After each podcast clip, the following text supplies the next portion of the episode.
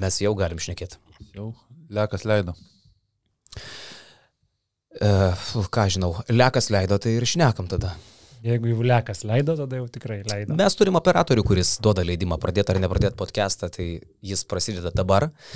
Ir e, sveiki vyrai, mes standartinė sudėtie senokai tokie jau seniai nesėdėjo. Seniai nesėdėjom, kai normaliai apsirengė visi. Senai nesėdėjom jo, kai nebuvo gandriuko tiesiog. Taip. E, Baranis iš Šiaulių, man atrodo, panašią dainą galėtų traukti. Jau seniai nesėdėjom. Ne? Pasirodo laisvas.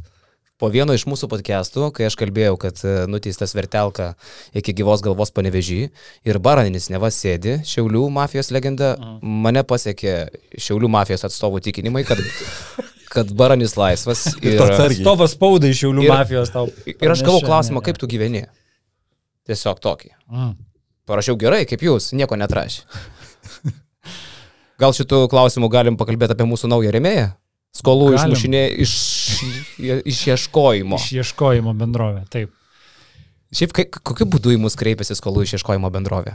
Tai yra nuostabus, nuostabi partnerystė. E-mailų, tiesiog mus randa e-mailų e, žmonės, kurie, aš manau, mato, kad šita reklama veikia ir sugroja kažkam ir e, skolų išieškojimo įmonė eskolas.lt, kurie, sako, yra numeris vienas Lietuvoje verslo skolų išieškojimo platforma, bet ir tuo pačiu jie išieško iš fizinių asmenų, jeigu vat, e, Karolis kažką yra skolingas lekšui.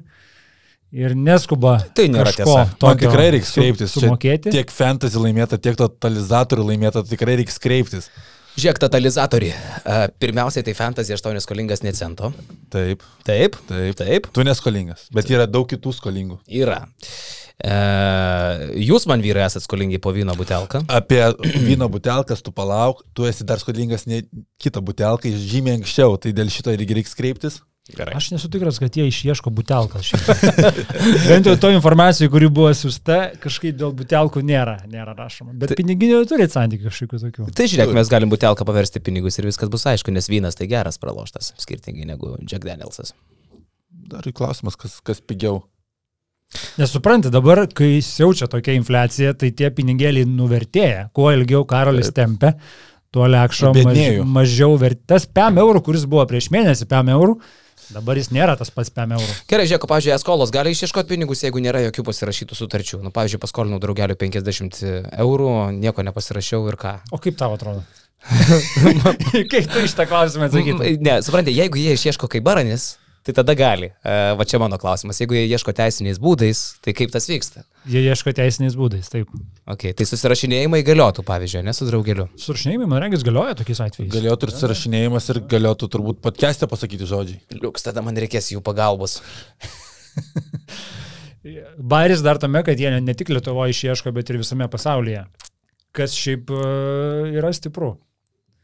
Jeigu, tarkim, išvyksti va dabar į Serbiją praeitą savaitgalį, kai mūsų Hebra buvo ir ten kažkas tau pastatė, arba tu kažkam pastatėjai bare, paskui pravažiavę sugalvojai, kad nenorėjai statyti ir užsimanai išieškoti, turi skolos lapelį kažkokį va tokį. Nu, čia mano nosinė šiandien nesveikata Taip, tokia. Bet, nu, bare ant to, kad tik ir pasirašytum. Be abejo, krauju. tai eskolos LT. Eskolas.lt ir e, bairis tame, kad tie dar ir nuolaidą mums duoda. Basket News 20, tai vedus tokį kodą, 20 procentų nuolaida skolos išieškojimui. Tai jeigu kažkam reikia išsimušti iš kažko kito skolą, dar tai galite padaryti pigiau su Basket News 20 kodu. Bet jie kažkurioje vietoje vis tiek pradeda grasinti žmonėm. Ar, tai, ar tie grasinimai irgi teisi, teisiniais būdais? Nes pavyzdžiui, jeigu aš kurčiau skolų išieškojimo kompaniją, mano būtų pavadinimas paskutinis perspėjimas.com. Čia mano būtų toks. O tai Aš, jeigu, tu, arba aš daugiau nekartosiu LT. jeigu tau ta skola negrįžta, tu vis tiek sumoki pinigus pradžiai, jeigu jie negražina. Aš nemanau, ne, tai čia kaip ir be, iš bet paslaugą grąžina, tu- tada sumoki. su- Sumoki už paslaugą, kurią gauni, taip. Jie netgi, uh, jie pasiūlo skolos pirkimą iš karto sumokant pinigus. Tarkim, jie mato, kad skolos atgavimas bus problematiškas, čia aš jau bandau spėlioti, ar ne? Mato, kad problematiškas, jau ten, žinai, 10 metų laukia, nesulaukia. Jie mato, kad ten kokie suma yra 500 eurų, sakys, žiūrėk, mes tau duodam 250 dabar ir kaip mes su juo tvarkomės, jau tu nebesigilinė, ne? mes atgausim, neatgausim. Tai vad netgi tokį variantą gali pasiūlyti. O aš dabar pradėjau kratyti savo visas darbovietės ir žinau, kažkaip iš radio tau man gal reikėtų išsimušti. 1200 litų 10 metų kabo jau. Sudėtum visus infliacijos pinigus, čia jau būtų 1200 eurų realiai. Aišku, aš nebuvau nieko pasirašęs. Reik... Nuo to reiktų pradėti. reiktų pradėti. Ne, tokiu atveju, manau, problemų. Ko gero, radijas tau mane dabar gali paduoti į teismą už šmeištą ir jie dar ir o, laimės. Tai... ir aš ką tik daviau mintį jam. Taip. Iškirpsim šitą. 1200 skolingas tu esi. Ja. Tai va, eskolas LT labai paprasta platforma, kurią nuėjus tikrai viskas yra pakankamai aišku, kaip galite išspręsti problemą, jeigu reikia išspręsti su pinigėliais. Perinam prie krepšinio reikalų. Jo, perinam prie krepšinio reikalų, nes... Šiaip įspūdinga savaitė praeitą. Žiauriai įspūdinga. Aš su draugais kalbuosi ir jie sako, wow, kiek krepšinio, sako, nespėjau viską sugaudyti, bet sako, viskas intrigos prasme Lietuvai, tiek žiūrint į vietinius frontus, tiek žiūrint į europinius frontus, tiesiog kosminė savaitė. Ir dar kokia laukia savaitė. Dabar šią savaitę prasideda uh, e, LKL bronza ir didysis finalai. Ir e, po dviejas rungtynės abiejose serijose bus. Trečiadienį žaidžia Šiauliai su Rytu. Uh, šiauliai, atsiprašau, su uh, Žalgiriu. Uh, mažasis finalas jo. Ir uh, Žalgiris su Lietkabeliu ketvirtadienį. Paskui šeštadienį vėl mažasis, sekmadienį vėl didysis. Žalgiris su Šiauliais. Trečiadienį. Žalgiris, Žalgiris su šiauliais. Rytas taip, su Lietkabeliu ketvirtadienį. Čia taip viskas netikėta, kad man viskas taip ir dar iki šios dienos painiojasi. Va, nu ir Jonai, ką tik žiūrėjai įrašą uh, Žalgirio su Lietkabeliu, kažkodėl tu žiūrėjai antras rungtynės Kaune. Kaip tu čia taip sugalvoji grįžti? Cido arenai buvo įspūdingiausi reikalai. Tos rungtynės vyko to pačiu laiku kaip Eurolygos pusfinalis. Efesas su Olimpijakos. Tu net trečias čia žiūrėjai iš tikrųjų. Jo, trečias, jo, jo. Tai tiesiog tą dieną žiūrėjau Olimpijakose su Efesu tiesiogiai, tik pabaigą įsijungiau Žalgirą. O panevežį, kai žaidė, kadangi panevežį rungtynės jau buvo dėl trečios vietos dubliavosi Eurolygą, nu tai akivaizdu, kad čia pasirinkimas lengvas Lietkabilis Žalgiris. Taip. Tai va, tai aš nežinau, ar mums labai reikia strikti dabar ties to, kas e, buvo, sakykim taip, pradėkim gal nuo Žalgirio Lietkabelio kovos, nes mes jau daug kartų iškalbėjom ir tos priežastys, kodėl Žalgiris e, taip beviltiškai atrodė, pralaimėjo 3-1, jau yra išnekėtos daugybę kartų. Turbūt galima apsistoti ties vieninteliu aiškiu sakiniu, kad Žalgirio sudėtis, Žalgirio sudėtis nebuvo verta įveikti šio sezono Lietkabelio ir tiek. Štai buvo pora momentų. Pavyzdžiui, kai Žalgiris pradėjo 8-0, galvoju, okei, okay, pamatysime tą žalgerį, Edgaras Ulanovas grįžęs, atrodo viskas gerai, įmasi iniciatyvos, žalgerio intensyvos keturias minutės nepraleidžia taškų, bet matėsi, kad milžiniškas jaudulys ant lietkabelio žaidėjų pusės, jie pajutė, kad čia yra tas mačas, kiek kalbėjau, sakė, kad daug kas normaliai ir nemiegojo prieš tas rungtynės, nes didžioji dalis lietkabelio krepšininkų tokiame mače net nėra per savo karjerą žaidė ir tas matys pirmosiomis minutėmis, bet po to pakrito keli metimai, Gediminas Arelikas kaip tikras lyderis tuos metimus dažniausiai ir sumesdavo, tas pradėjo kamuolys geriau judėti ir Žalgeris vėl tapo senas geras šio sezono žalgeris. Ir ketvirtajame kelnyje atrodė, kad jau lietkabelio baterijos senka, žalgeriukas kaip ir jau bando grįžti, minus septyni liko ir, sakyčiau, kertinė taka buvo, kada, kada Janis Strelnikas nusprendė imtis iniciatyvos ant savęs, e, pikendrolas, e, nukrenta, Ulanovas lieka viršui laisvas prie tritaškių, vienas iš lietkabelio žaidėjų nukrenta, bet Strelnikas prameta neblogą dvitaškį iš vidutinio nuotolio, Jankūnas kovai dėl kamulio gauna nesportinę pražangą ir viskas, lietkabelis nueina. Apie tą miegą kalbant labai trumpai nubėgu, jeigu vat lietkabelio žaidėjai, sakai, sunkiau mėgojo, nes e, įtampa rungtynės svarbios ir toliau. Šį savaitgalį labai gera citata išėjo iš finalo ketvirto. Fabianas Koseras papasakojo istoriją, kaip prieš 2018 metų finalo rungtynės, kur Realas žaidė Belgradė irgi finalą. Koseras vienam kambarį su Luka Dončičiu mėgojo ir sako, aš irgi vartaus tai lovai, neužmiegu, rytoj finalas, nervai. Draugelį šalia 19 metų knarkė jam, Parodo viską. Jam, jam viskas yra, žinai, tvarkoja. Jisai, tai, jisai, jisai atsipūtęs, zėdas, jisai yra lūtį gurkšnoja dieną prieš rungtynės. Ten, bariukė ramiai. Ten, ten nebuvo diena prieš, ten buvo iš anksčiau. Miki Milanė sapnuoja. Tai kad diena prieš, tai nebuvo tą pačią dieną, bet klubas, nes rungtynės buvo trečiadienį. Aha. Klubas pats pasakė, kad ten buvo fotkė daryta ant, antradienį. Ne, tą patį. Taip, taip. Tai va, tai jis atsipūtęs. Šaras beje, Jasikevičius irgi savo knygoje rašė, kad prieš Fina, finalo ketvirtus. Irgi neužmigo. Ir net ir vėliau sunkiau, o paskui jau prieš paskutiniuosius parpdavo kaip Dončičius. Ja, ja, tai va, tai grįžtant į tą seriją, aš kažkaip, man tas 8-0 nepadarė jokio, jokio įspūdžio, nu, nes visą seriją matėsi, kad nu, tiesiog viena komanda yra geresnė už kitą. Nebuvo taip, kad kažkokia staigmena, kad dabar staiga Lietkabelis e, laimėjo rungtynės per kažkokį tai fuksą. Visoje serijoje Žalgeris buvo blogesnė komanda, Lietkabelis buvo geresnė komanda. Ir tik buvo laiko klausimas, kada, kada, kada Lietkabelis tą seriją laimės. Man vat įdomiau buvo iš trečiųjų rungtynių, kurias, kurias aš sakiau tik tai live score. Ir kai mačiau, kad Žalgiris turi plus 10, plus 12, ok, jau čia buvau įstikinęs, kad čia bus tas 2-1 Žalgirio, kada jie, kada jie pasiims ir į Panevežį važiuos pirmaudami. Ir kai sugebėjo pralaimėti, ir dabar pažiūrėjus tą įrašą, kaip jie sugebėjo pralaimėti, tai tik tai parodo, kad tas lietkabelis, šiemetinis lietkabelis yra ne šiaip lietkabelis. Tai nėra tik tai, kad vien problema ir Žalgirio, kad jis yra toksai šiame silpnas, bet yra ir varžovas labai geras. Oi, be abejo, ir netgi sakyčiau, jeigu žalgerio fanai gali guosti, sakydami, kad, na, čia daug turim, turėjom neišnaudotų rezervų, mūsų priekinė linija pavedė ten Kevanau nesužaidė, Lovernas atrodo išvykęs kažkur, tai ten Nybau nestabilus, tai lygiai tą patį gali kalbėti ir Lietkabelio gerbėjai, nes jų komanda dar turėjo ir labai nemažai rezervų. Pirmiausiai, įžaidėjai Kristupas Žemaitis ir Nikola Radičevičius tikrai nežaidė šitoj serijoje gerų rungtynių, žaidė vidutiniškai, kai kada ir prastai. Aš netgi, pavyzdžiui, paminėčiau ir panajoti Kalaidzakį, apie kurį tiek daug gražių žodžių yra pasakyta. Jisai sužaidė kelias labai geras rungtynės, paskutinėse prie Žalgirį net nebuvo kažkoks įspūdingas, bet jis, pavyzdžiui, paskutinėsias penkerias rungtynės, čia yra didžiulis rezervas Kalaidzakio prieš finalą, e, dar čia įskaitant ir seriją su Juve. Tai ketverios rungtynės su Žalgiriu ir vienerios su Juve. Paskutinės penkerios Kalaidzakio rungtynės yra keturi tritaškiai iš 25 yra 16 procentų pataikymas iš trijų taškų zonos. Nežiūrint į tai, kaip mes čia apie jį gražiai išnekam ir kaip jis gerai žaidžia. Tai rezervai su rytų dar yra akivaizdus. Geresnis įžaidėjų žaidimas, panajočio Kalaidzakio geresnis pataikymas iš toli. Lietkabelis prie Žalgerį dar net nežaidė savo, kaip sakyti, geriausios serijos, kokią gali žaisti, aš net nebejoju.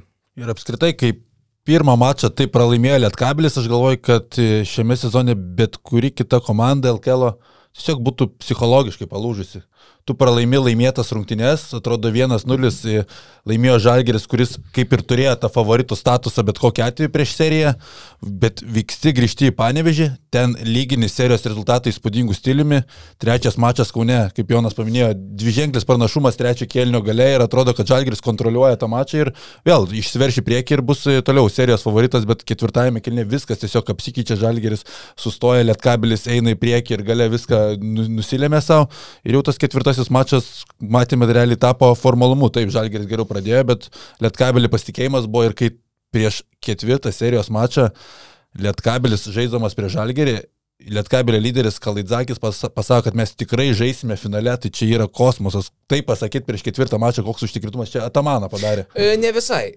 Atamanas kalbėtų be jokios pagarbos varžovui, jisai kalbėtų užtikrintai ir arogantiškai. Šiaip Kalaidzakis mane dar kartą stebino to interviu. Jisai pradžioj Jis parodė didžiulės žinias apie Žalgirį, jis kalbėjo apie tai, kad čia visos Lietuvos komanda, bet tai nebuvo tiesiog banaliai numesta frazė, kurią jis nugirdo autobuse važiuodamas į kokias išvykos rungtynės. Jisai pakomentavo apie tai, kad aš žinau, kiek Žalgiris reiškia Lietuvos istorijai, kiek jisai buvo svarbus nepriklausomybės laikotarpiu ir aš galvoju, wow, 23 metų graikas šneka tokius dalykus. Ir ten iš konteksto išėmus tai skamba Tamanas, bet jisai kito sakinio labai ilgai ėjo. Jo, bet kalbėjom prieš gerą mėnesį, kad Lietkabelis gali būti taip gerai žaidžianti, bet jiems šis sezonas bus turbūt nesėkmingiausias per eilę metų. Gerai žaidė Europos turėje, gauni Bolonijos virtus, aštuntfinalį pralaimi, nors tikrai tavo pajėgumas šiemet buvo Europos turės minimum ketvirtfinalis. Lietuvos krepšinio lygoje galiausiai lieki trečias gauni Kauno Žalgerį, kuris atlieka tokias permainas, pasiema Kazį Maksvitį, visi tikisi, kad pakels į visiškai kitą lygį, gaunasi atvirkščiai ir Lietkabilis vis dėlto iš to sezono išspaus. Atrodo, gali išspausti netgi maksimumą, nors atrodė vienu metu, kad gerai žaidė, bet tau nesiseka tiesiog šį sezoną. Man žiūrint Lietkabilii ketvirtas rungtynės ypatingai vis tokia mintis kildavo. Kada paskutinį kartą mes matėm komandą, Lietuvos komandą, kuri nepalūšta, kai turi minus 10, minus 12 sugrįžta. Kada mes matėm komandą, kuri polime išžaidžia ne iki gero metimo, iki puikaus metimo. Kai turi, atrodo, vieną jau neblogą metimą galėjo mest, nusimeta. Antras nusimeta, nes ateina iki puikaus metimo. Kada matėm komandą, kada po taimauto, kurį paima varžovų komanda, ten koks tai spurtukas, varžovų komanda paima tam, kad tą, taimaut, tą spurtą stabdyti, Ir po taimauto Lietkabelis, net ne ta komanda, kurie metai mautą, o būtent Lietkabelis, panaudoja, pavyzdžiui, spaudimą, kur atrodo, nu kam čia dar reikia, čia jau ir taip tu sportuoji, tu ir taip esi gerai, bet ir dar paspaudžiam. Ir man visi šitie, aš sugrįžtu tai, kad čia buvo Šaro Žalgiris. Šaro Žalgiris žaisdavo lygiai taip pat, nesulūždavo prie minus 10, prie minus 15, dalindavosi kamuoliu tol, kol puikus metimas. Ir tokie visi bairukai po taimauto, kur komanda išeina po taimauto su aiškia mintim, kuo jinai gali dar nubausti varžovą. Tai kad ir kaip tai skambėtų, nežinau kaip, bet tas lietkabelis man labiausiai priminė Šaro Žalgirį. Čia tas matosi, trenerių įdarbis, kiek ketvirtas sezonas Čanokui panevežyje. Taip, net Čia su centais jau man atrodo. Matosi, viskas yra sudėliota, taip tie žaidėjai keisdavosi, bet kažkas iš to brandolio likdavo, sistema yra aiškiai eilę metų ir šiemet galbūt Čanokui ir labiausiai pavyko sulibdyti tuos charakterius, o Žalgerėje matosi, trečias treneris per sezoną pasikeičia ir tos leimos rungtynės, Kazis Maksytis net nežino, kokį penketą reikia leisti. Taleris Kevano buvo pagaliau išbandytas penktoje pozicijoje, bet gal palime kažkiek ir tai pasiteisino, bet gynyboje buvo visiškai sudaužytas ir matos ketvirtajame kelnėta Kazio desperacija, jis atsisuka į suolą, nežino, ką leisti, reikia į aikštę, ar tą, ar tą, ir, ir čia ir matos, kur yra trenerio ilgalaikis įdirbis, o kur treneris tiesiog ateina pabaigoje ir tu nieko nebepakeiti. Pirmą kartą turbūt matėm ir Čianak emo, emocionaliai besielgiant, po rungtynių davęs intervą televizijai, tu nebuvai arenoje, ne? Tai nematėjai, jisai nueidamas jau link fanų, kilnojo rankas ir pradėjo staukti ir tada ten kiek tų fanų buvo likę, jau buvo pratuštėjus arena, bet visi dar užsikūrė ir yeah! paskui treneriai dar irgi davė jėgos, žinai, ir galvoju, va, tiek metų laukiam, kol Čianakas kažką panašaus padarys, tai pasirodo treneris laukia adekvataus pasiekimo tokiam emocijom. Tai čia yra adekvatu, tu nukaliai žalgyrį ir tu sumaliai žalgyrį iš tikrųjų. Prisiminkim, kad e, antrosios rungtynės e, buvo pervažiuotas žalgyris kaip su Volu ir tai net nebuvo pirmas kartas. Reguliariojo sezono finišė Lietkabelis irgi sudaužė žalgyrį kaip obolį. Ketvirtose rungtynėse iš esmės irgi, na, žalgyris vyjosi, bandė, kapanojosi, bet Lietkabelis kabelis buvo gerokai stipresni. Ir man atrodo, kad šita komanda dabar uh, nežada net sustoti.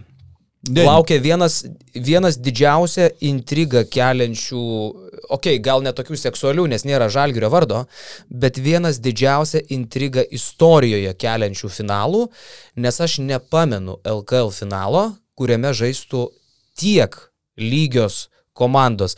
Vakar pasižiūrėjau e, visas, e, na, e, bent skaičius peržvelgiau, nors visas buvau matęs ir gyvai, tarpusavio ryto ir lietkabelio rungtynės šį sezoną. Tai aš tokio identiškumo dar turbūt net nebuvau ir matęs tarpusavio kovose, ko ne identiškai. Visi skaičiai, sudėjus ketverias rungtynes. Na, kai kada vieni geriau, kai kada kiti, bet visas ketverias sudėjus, tritaškai identiškai, dvitaškai praktiškai identiškai, klyzdavo vos ne po tiek pat kartų, panaši kova dėl kamolių, net baudų metimai ir tie panašiai klyzdavo tiek vieniems, tiek kitiems. Tai aš darau vienintelę išvadą, kad šiame finale laimės psichologiškai tvirtesnė komanda vienintelė išvada, kuri labiau susitvarkys su įtampa, su galimybė laimėti, nes tiek rytas, tiek lietkabelis žiauriai nori. Rytas nelaimėjo LKL 12 metų. 20 buvo paskutinis kartas, kai nugalėjo Žalgirį. Taip, tai jau net ir kai kurie jau net ir nebegyvi liudininkai, kurie galėtų prisiminti tą. E, lietkabelis to iš vis nėra padaręs aukščiausią lygio, Sovietų sąjungos tiksliau dar tam čia e, laikais kažką laimėjo. Tai įtampa bus, bet e, kai kalbam apie psichologinę tvirtybę, Lietkabelis turi čia pranašumą, aš to net nebejoju. Vat ką tik tu pradėjai kalbėti apie tai, kad tai yra komanda, kuriai minusas nieko nereiškia ir kuri moka žaisti su pliusu. Rytas nėra toks psichologiškai tvirtas šį sezoną, labiau pasidodantis emocijoms, daugiau kartų sulūždavęs, prisiminkim ir čempionų lygos kovas, svarbiausias kovas su ta pačia Tenerife, prisiminkim mačą su Žalgiriu pilnutėlė Siemens arenoje, kuomet irgi net laikė tos įtampos, nes tarsi buvo favoritai, prisiminkim galų gale KMT e, pusfinalį su Lietkabiliu, kur irgi net laikė, nors jie buvo subuva, aišku, be spito, bet jie buvo subuva, Lietkabilis net be Gagičiaus tas rungtynės žaidė, laimėjo Lietkabilis. Tai ten, ir atsimeni, kokias Butkevičius gale nesąmonės mėtė. Na, rytas psichologinėme krūvyje atrodo silpnesnė komanda. Tai mano prognozija finale 4-2. Aš galvoju, kad Lietkabelis pasims. Aš tokią pačią prognozę pateikiu apie tą lygumą, nenuspėjimuo finalą, tai aš pažiūrėjau visus LKL serijas ir paskutinis kartas tas toks nenuspėjamas finalas buvo turbūt 20-aisiais, kai rytas 4-3 laimėjo seriją, po to sezono rytas pakeitė savo logotipą į kitą. Įdomus šis tapimas ir nuo to laiko nebebuvo jokio LKL finalo, kur būtų ne, neaiškus favoritas. 2014 sezonas pusfinalį buvo rytas Žalgris, kuomet rytas vėl buvo laikomas favoritai, ten pralaimėtai ir tuomet visi finalai viskas, viskas aišku prieš jį.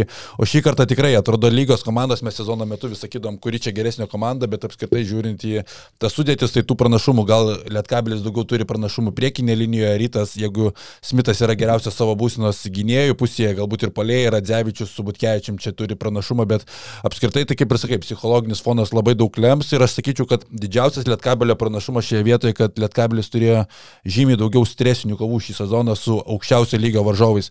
Lietkabelio kelias iki iki finalo buvo LKL sunkus, reikia nepamiršti dabar nugalėto Žalgeris, prieš tai Juventus tikrai irgi tvirta komanda, stipri pirmas mačas buvo per pratesimą, viskas pasibaigė, galėjo ten dar kitaip pakrypti, bet o rytas šį sezoną automatiškai žaidė čempionų lygiai, kur dvigubai mažiau tu turi rimtų varžovų ir apskritai čempionų lygoje nėra tiek varžovų, su kokiais, tokio lygio varžovų, su kokiais kovėsi Lietkablis visą sezoną Europos turėjo kiekvieną savaitę. Ne visai sutinku su šitu, nes rytas turėjo pakankamai stresinių kovų. Buvo ir Strasbūras, buvo su, su Bešiktašu sunkus mačai su Tenerife. Dar bet tai buvo dalyka, žemesnio lygio komanda. Jo, jo, bet prisiminkim, kad, lietka, bet kad ryte yra žaidėjai, kurie tą patirtį turi ne vienerius metus. Yra žaidėjai, kurie ten, e, tas, tas pats ir Margeris Normantas pernai žaidęs. Bet e, komanda auga kartu per sezoną. Jo, bet turiu meni, kad na, kaip pavieniai žaidėjai, e, netgi ryte yra tų patyrusių. Arnas Butkevičius žaidęs nekartą sunkiose rungtynėse Europoje. Margeris Normantas, tas pats Vaidas Kariniauskas turi nemažą patirtį. Jo, tai jie žaidė, bet jie žaidė su kitais žaidėjais. Kaip jie, Smithas. Nes matai, Lietkabelis turėjo 18 e, rungtynių reguliariajame sezone, Rytas turėjo 6 plus 6, 12, automatiškai trečdalį jau mažiau. Žinok, nežinau, kiek tas lošia. Prisiminkim, kaip vyko paskutinės trejos rungtynės tarp ryto ir e, Lietkabelio, nes pirmasis tai rytas laimėjo lengvai, bet ten dar sudėtys buvo net ir kitokios. Bet paskutinės trejos rungtynės buvo baigėsi 3, 4 ir 2 taškų skirtumais. Visos kovos buvo lygios. Aš nežinau, kiek čia lošia tos ten patirtys ar kažką. Komandos realiai yra. Aš galvoju, lygios. kad lošia. Man, man irgi tas įsitikinimas, aš galvoju, kas būdavo žalgerio pranašumas e, ilgais metais irgi, kad jie kelo finalus, playoffus ateidavo po labai sunkių kovų Eurolygoje, kur, kur juos e, emociškai užgrūdindavo visai būti kitame pasirinkimo lygyje. Finalas vis tiek savo įtampą yra kitas žvėris. Lietkabelis žaidė daug tokių rungtynių, žaidė su gerais varžovais, su stipriais varžovais. Eurocapė pralaimėjo, baigė kovas, tik tai pralaimėjo busimiems čempionams, kas irgi yra savotiškas gal net įvertinimas ar nusiraminimas, tu žinai, kad tu tiesiog pralaimėjai čempionams, galbūt būtumai keliavęs toliau, bet tu varžovų aikštelėje nusileidė čempionams. Ir kovės išvyko sužaidęs turbūt blogiausias rungtynės sezono su beprotiškai daug klaidų ir dar vis tiek laikėsis gana ilgai kovoja dėl pergalės. Kalbu apie lietkabelį suvirtus. Jo, tai mano, šiaip gal čia negerai, kad mes lygiai taip pat visi spėjom, nes tarsi... Susitarė, kad... Sakom, jo, sakom... O tu irgi 4-2 sakai? Aš 4-2 irgi, mano spėjimas irgi toksai buvo. Tai tarsi sakom, kad lyg, lyg, lygiausias ir sunku nuspėti, uh, nenustebintų nekiek, kad ir rytas taptų čempionais, nes iš tikrųjų pagaliau turime finalą, kuriame yra sunku pasakyti, kuri komanda yra ryškiai favoritė šito finalo. Ir žinai, pernai mes galim sakyti prieš pusfinalį, sakėm, kad Lietkabelis turi tokius pačius šansus kaip rytas patekti į finalą, bet galim atsiminti, tuomet tiesiog suvalgė rytas Lietkabelį 3-0, taip kita komanda, bet treneriai tie patys, Žibienas tuomet tikrai parodė kažko, kažką naujo prieš Čanaką ir galėjo nustebinti, bet kur aš manau, kad gali būti dar viena ryto problema. Jie kaip ir turi namų aikštelės pranašumą, bet jie pirmą mačą žaidžia ASG arenoje, kur tiek tie, tiek tie, man atrodo, jaučiasi kaip svečiai. Būtent tu kaip per sezoną sužaidai kelias rungtynės, e, visas atkrintamasis žaidži Jeep arenoje ir tada ateina finalas, tu pirmą mačą žaidži SG arenoje ir aš girdžiu, kad ir Lietkablis tai irgi apie tai kalba, kad tu atvyksti į SG areną, ten yra žymiai lengviau, visiškai kita erdvė, nėra tokia suspausta, nesijaučia toks fanų palaikymas. Būtent ir net prie tų erdvių Lietkabilis labiau pripratęs yra, nes jie žaidė, žaidžia turbūt erdviausio arenoje Lietuvoje, Cido arenoje, kur ten išplėsta iki, iki negalėjimo viskas yra. Aš nesutinku kaip tik, aš, aš manau, kad čia nematytų jokio skirtumo, jie toj arenai žaidė čempionų lygą, puikiai tą areną pažįsta, žaidėjai, kurie ilgiau rungtyniauja ryte, irgi ten puikiai jie žino. Tai yra arena, kuri yra šalia, šalia jų salės mažosios, tai nu, čia nėra, kad Žalgeris žaistų Garliavoje, kur visai nesusiję niekuo. Tai yra, aš, aš kaip tik aš džiaugiuosi, kad rytas priėmė šitą sprendimą žaisti ASG arenui, kad LKL finalai vyks ne kažkokioj mažoj salytėje, kaip yra buvę su to pačiu Žalgeriu, bet normalioj dideliai saliai, kur palaikymo rytas gali gauti dar daugiau. Nu, kol kas ta arena jiems neša nelaimės. KMT tragedija, prieš Tenerife tragedija, Žalgeriui vienas svarbesnių rungtynių tenai, nu, tuo metu antrasias rungtynės kaip favoritai buvo, jie ten pralaimėjo. Man rytoj ASG šį sezoną asocijuojasi su Š. Nu, gal tai, kad jie net laiko to spaudimo, kuris su, sukūriamas su tą areną yra. Bet, That's what I'm talking about. Bet ne, ne, ne. A, LKL finalas jisai turi būti žaidžiamas didžiausiai šalies š, miesto arenoje. Čia jis, taip Šternas darytų. Jis, jis tiesiog, jis Šternas, net, net Bertomeo taip darytų. Okay. Aš pažymėjau kelis e, dalykus, dėl ko aš dar sakau 4-2. E, man atrodo, kad Lietkabelis yra pačios geriausios sportinės formos. Pikas dabar svarbiausių metų, nes tu irgi paminėjai kamulio dalinimas, bent kelios opcijos puolime, kai jau atrodo, kad ataka sudegė, ji tik tau taip atrodo, kad sudegė, visada suranda metimą. Puikiai gynyba. Geriausias, sakyčiau, pas juos yra polimas nuėjęs iki automatizmo. Jau dabar, kur, nu, Gagičius gauna kamolį, jisai jaučia, kad ateis pagalba, jisai kamolį nusimeta dar prieš pagalbos ateimą. E, Kamoliuko suvaikšto iki laisvo trajeko. Super pakili nuotaika Lietkabilio, vis dėlto ryto kelias atkrintamosiose to tiek daug gerų emocijų jiem nesuteikė, jie nugalėjo, ką turėjo nugalėti, Dzukus ir Šiaulius. Lietkabilis turėjo Juve, e, kuri kybo į atlapus, atrodė kaip stipresnis varžovas, tikrai nei Dzukija. Lietkabilis turėjo Žalgerį, kurį sumalė iš esmės, nugalėjo 3-1. Ir kitas dalykas, aš jau minėjau, Lietkabelis psichologiškai lūšta žymiai rečiau už rytą šį sezoną, tai visą tai sudėjus Mano favoritas yra panevežys. Aš manau, kad Čianakas, jisai kažkada užkulisėse yra tokios kalbos, yra pasakęs, kad su šitą komandą Lubas jau pasiekiau. Kai ten trečią vietą užėmė, bet aš manau, kad Lubos yra LKL čempiono titulas, tai wow, Aišku, turės ir rytas savo argumentų, nes, e, pažiūrėjau, aš galvoju, kad Lietkabelį bus žymiai sunkiau stepautinti ryto gynėjus, negu tai buvo daroma prie Žalgerį. Stepautai yra nuolatinė gynybos sistema, gynybos pamatas šio sezono Lietkabelį ir Čianakas nėra linkęs taip pristaikyti, dažniausiai jisai ir naudoja tą gynybos sistemą, kokia yra viena. Tai iš tos pusės atrodo, kad Normantas, Smithas, Girdžiūnas yra žymiai geresni ballhandleriai negu Žalgeris, kuris turėjo realiai vieną Lekavičių, visi kiti du, du dribbling ir perdavimas ir bandymas laužti per apačią, bet kita vertus rytas mėgsta žaisti aukštų penketų su Džerviu ketvirtoje pozicijoje. Aš, aš nemanau, kad čia gali būti panašumas, ypatingai kai matant, kokios yra formos Orelikas ir kaip yra sunku prižiūrėti prie perimetro linijos. Taip kad Ivanas buvo irgi atrodė su, lietka, su šiauliais netgi praščiau, kur sutiko Gedrius Staniulį, čia dabar sutiks Džordžią Gagičių. Manau, Gagičius yra tiek įvairia pusiškesnis žaidėjas, tiek ir matėme polime žinom, buvo gynyba ir matėme net ir Žalgerio centrai atrodė kaip mažiukai žaidžiami prieš Gagičių. Ir rytas šį sezoną Gagičiaus dar nie karto nesustabdė. Žaidė trejas rungtynės, rinko po 20 taškų prieš rytą ir dvi taškius metė beveik 70 procentų. Orelikas beje visas ketverias rungtynės žaidė prieš rytą, rinko po 15. Tai du svarbiausi buvo Gagičio, e, Gagičius ir Orelikas Lietkabeliui prieš rytą šį sezoną. Rytui e, geriausias prieš Lietkabeliui yra buvo po 20 taškų, tai buvo ir Gagičiaus akistata yra vos ne centrinė. Bet trečia mačiais netvyko, ne? Nebuvo ir tada jo. laimėjo rytas labai ramiai. Jo, vad būtent tose rungtynėse tada Speedy Smithas sulošė labai gerai, tai Speedy Smithas renka po 15 taškų ir 7 perdavimus prieš Lietkabelį, kaip jie atkirsti Lietkabelį bus pagrindinis uždavinys ir Butkevičius trejose iš ketverių rungtynių prieš Lietkabelį rinko po 15 taškų. Jis nėra toks super rezultatyvus, bet tu įskyrė jį kaip vieną iš mečepuose pranašumų Lietka, e, prieš Lietkabelį. Mhm.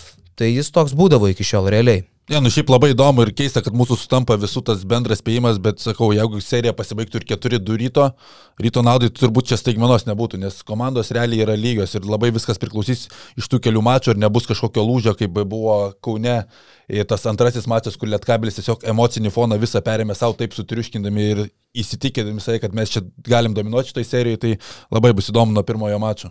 Apie Gagičiaus svarbą kalbant, jisai pusfinalio serijoje buvo antras Lietkabelio žaidėjas pagal plius minus reitingą, kur vėlgi visi kalbėjo, kad Žalgiris jeigu ir turi pranašumą prieš Lietkabelį, tai po krepšių, jau čia jau, jau, čia jau Žalgiris kažką tipo. parodys.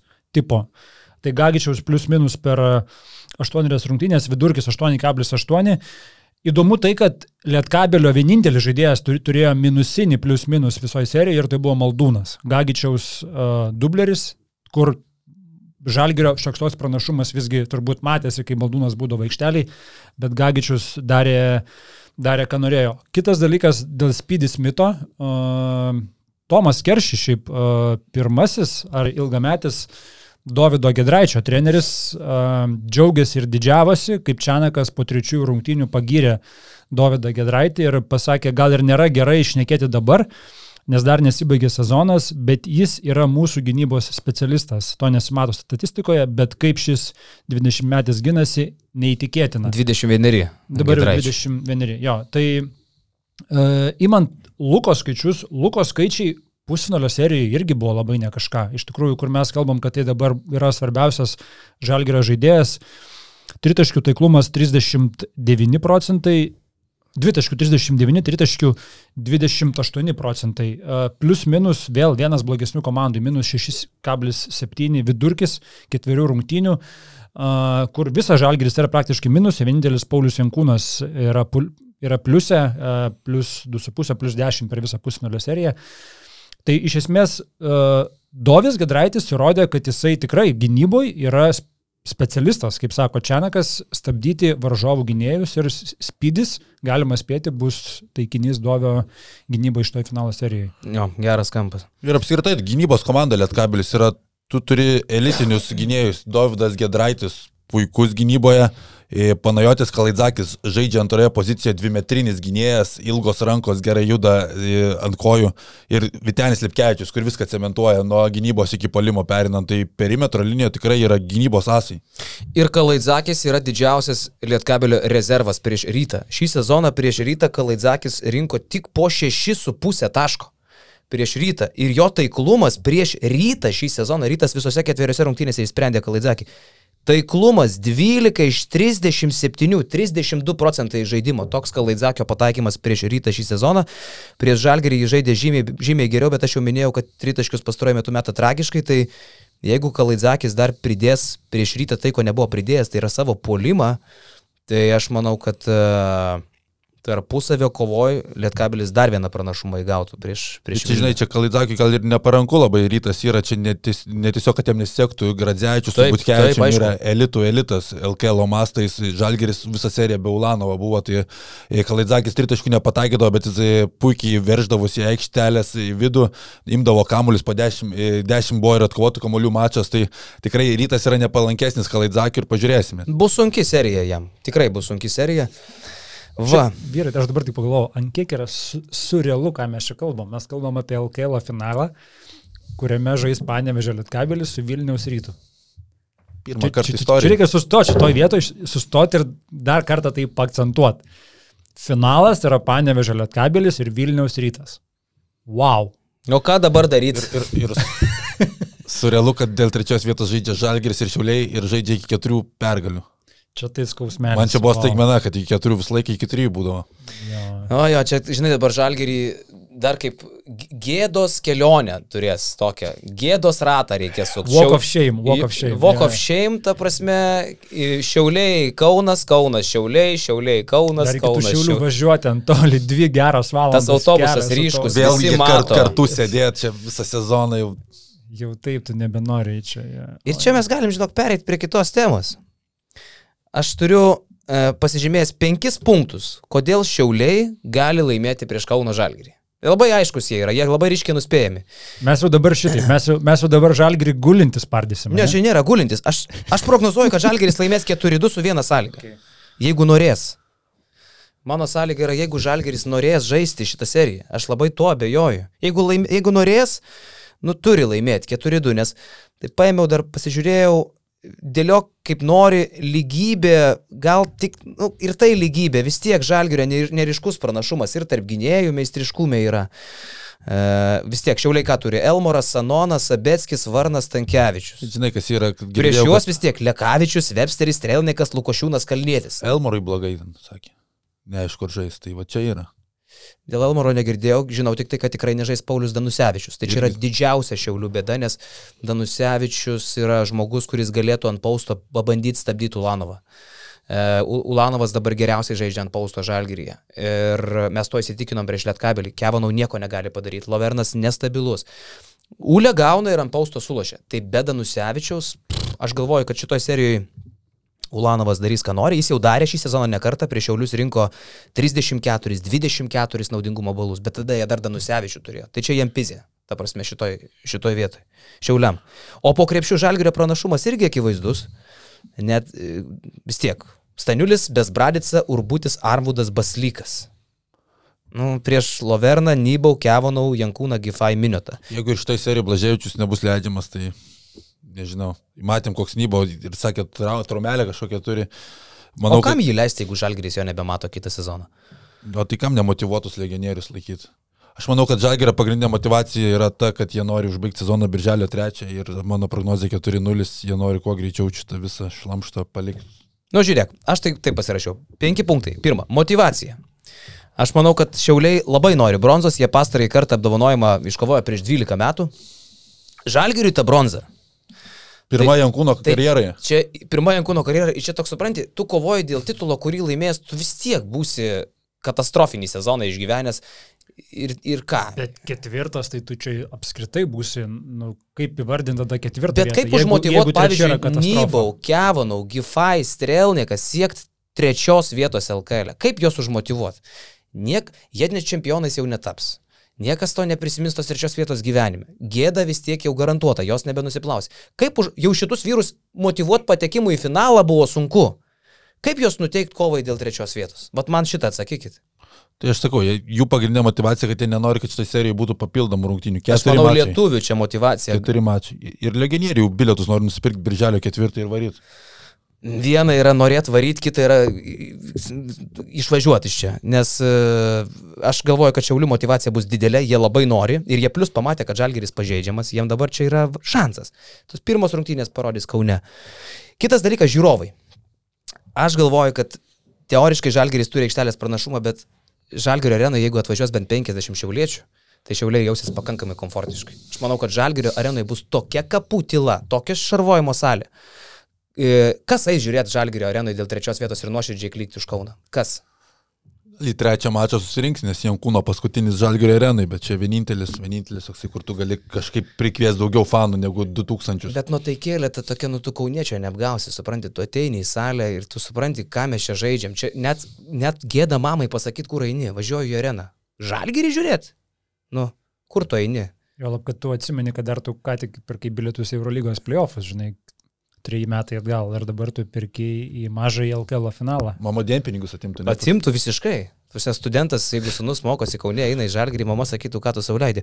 O Šiauliuose bus pilna salė. Bus pilna salė, aš manau, kad Šiauliečiai ir čia pavažinės į Kauną.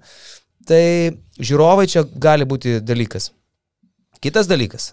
Šiaulių neslėgs jokia atsakomybė. Čia mano trečias punktas. Kaip ir jie motivuoti, kaip ir nori, bet, nu, jeigu ir nepavyks, žaidėm su žalgiriu. Mes pirmą kartą per dešimt metų patekom į ketveriukę. E, mes va jau kylam, mums kitam sezonui yra iškeltas tikslas, susireika kontraktas jau pratestas, šiauliai viską viršijo, KMT Final Four, toje Europos savo lygeliai kažkokio finalas, čia patenka į Final Four, uh, Nu ir kas, pralaimėjom rytui, baisus čia daiktas, pralaimėsim žalgiriui. Eh, kokia bėda, jokios atsakomybės nėra, o motivacija didžiulė. Žalgiriui, nu, sakykim taip, atsakomybės gal irgi jau jokios čia nebeturi didelės, bet šiauliams čia tikrai. Tu tiesiog mėgaujasi žaidimu mažajame finale žalgirio vietoje. Tu jau viskas, jau irgi, jau, jau visa, visa įtampa nuo tavęs. Aš nemanau, kad mėgaujasi, aš grįžtu prie to paties, mes turim gėdos kelionę. Aš juokauju, čia tikrai nesimėgauju, tai tikrai nesimėgauju. Čia yra gėda, supranti. E, kitas dalykas, labai svarbus punktas, nors Šiauliai pralošė visas trejas rungtynės žalgiui šį sezoną, bet Šiauliai turi ilgesnį suolą nei bet kada šį sezoną prie žalgiai. Pažiūrėjau, daugiau 7-8 žaidėjų rotacijos į reiką prie žalgiui šį sezoną niekarto neturėjo. Niekarto, net tada, kai pralošė trim taškais, žaidė 8 iš principo. Dabar net ir Bedanusevičiaus, nu jeigu Elmoras iškrito, tai šakės. Bet net Bedanusevičiaus šiauliai turi ir be Elmoro turi 9 rotacijai su Elmorų 90, jeigu Baslikas skaičiuojam. Mhm. Tai jau didesnė, gilesnė rotacija. Apie Žalgirio suolą mes jau kalbėjom. Tai Šiauliai su ta gilesnė rotacija parodė, kad net ir gali nutraukti 39 pralaimėjimų seriją prieš rytą ir šiaip pakovot visai. Paskui vėl susitraumavo, vėl iškrito ir vėl ta serija baigėsi. Bet šiaip, o mes sutinkam, kad rytas stipresnė komanda už Žalgirį. Rytas už Žalgirį? Taip.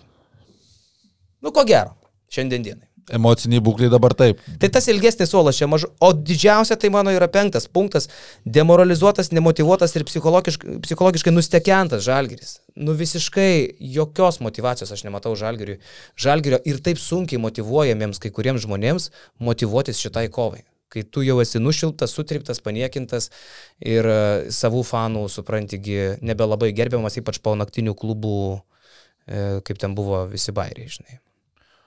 Man tai sunku motivuoti save šitam serijai ruoštis dėl trečios vietos, bet didžiausia motivacija ir tikiuosi, kad tai Websteris nepatyrė rimtos traumos ir žais seriją, tai Webster ir Sanono mikro dvikova. Va čia man didžiausia intriga iš šitos serijos. Šiaip jo, ir šiaip įdomu, nes Anonas prie Žalgirį žaidė antras rungtynės savo apskritai LKL -e ir sužaidė tragiškai, jis ten pataikė labai mažai metimų iš labai daug. E, bet paskui jisai įsivažiavo LKL, įsivažiavo ir, ir prie Žalgirį labai nori, aišku. Tai kokią mes matysim jo versiją? E, Čia intriga.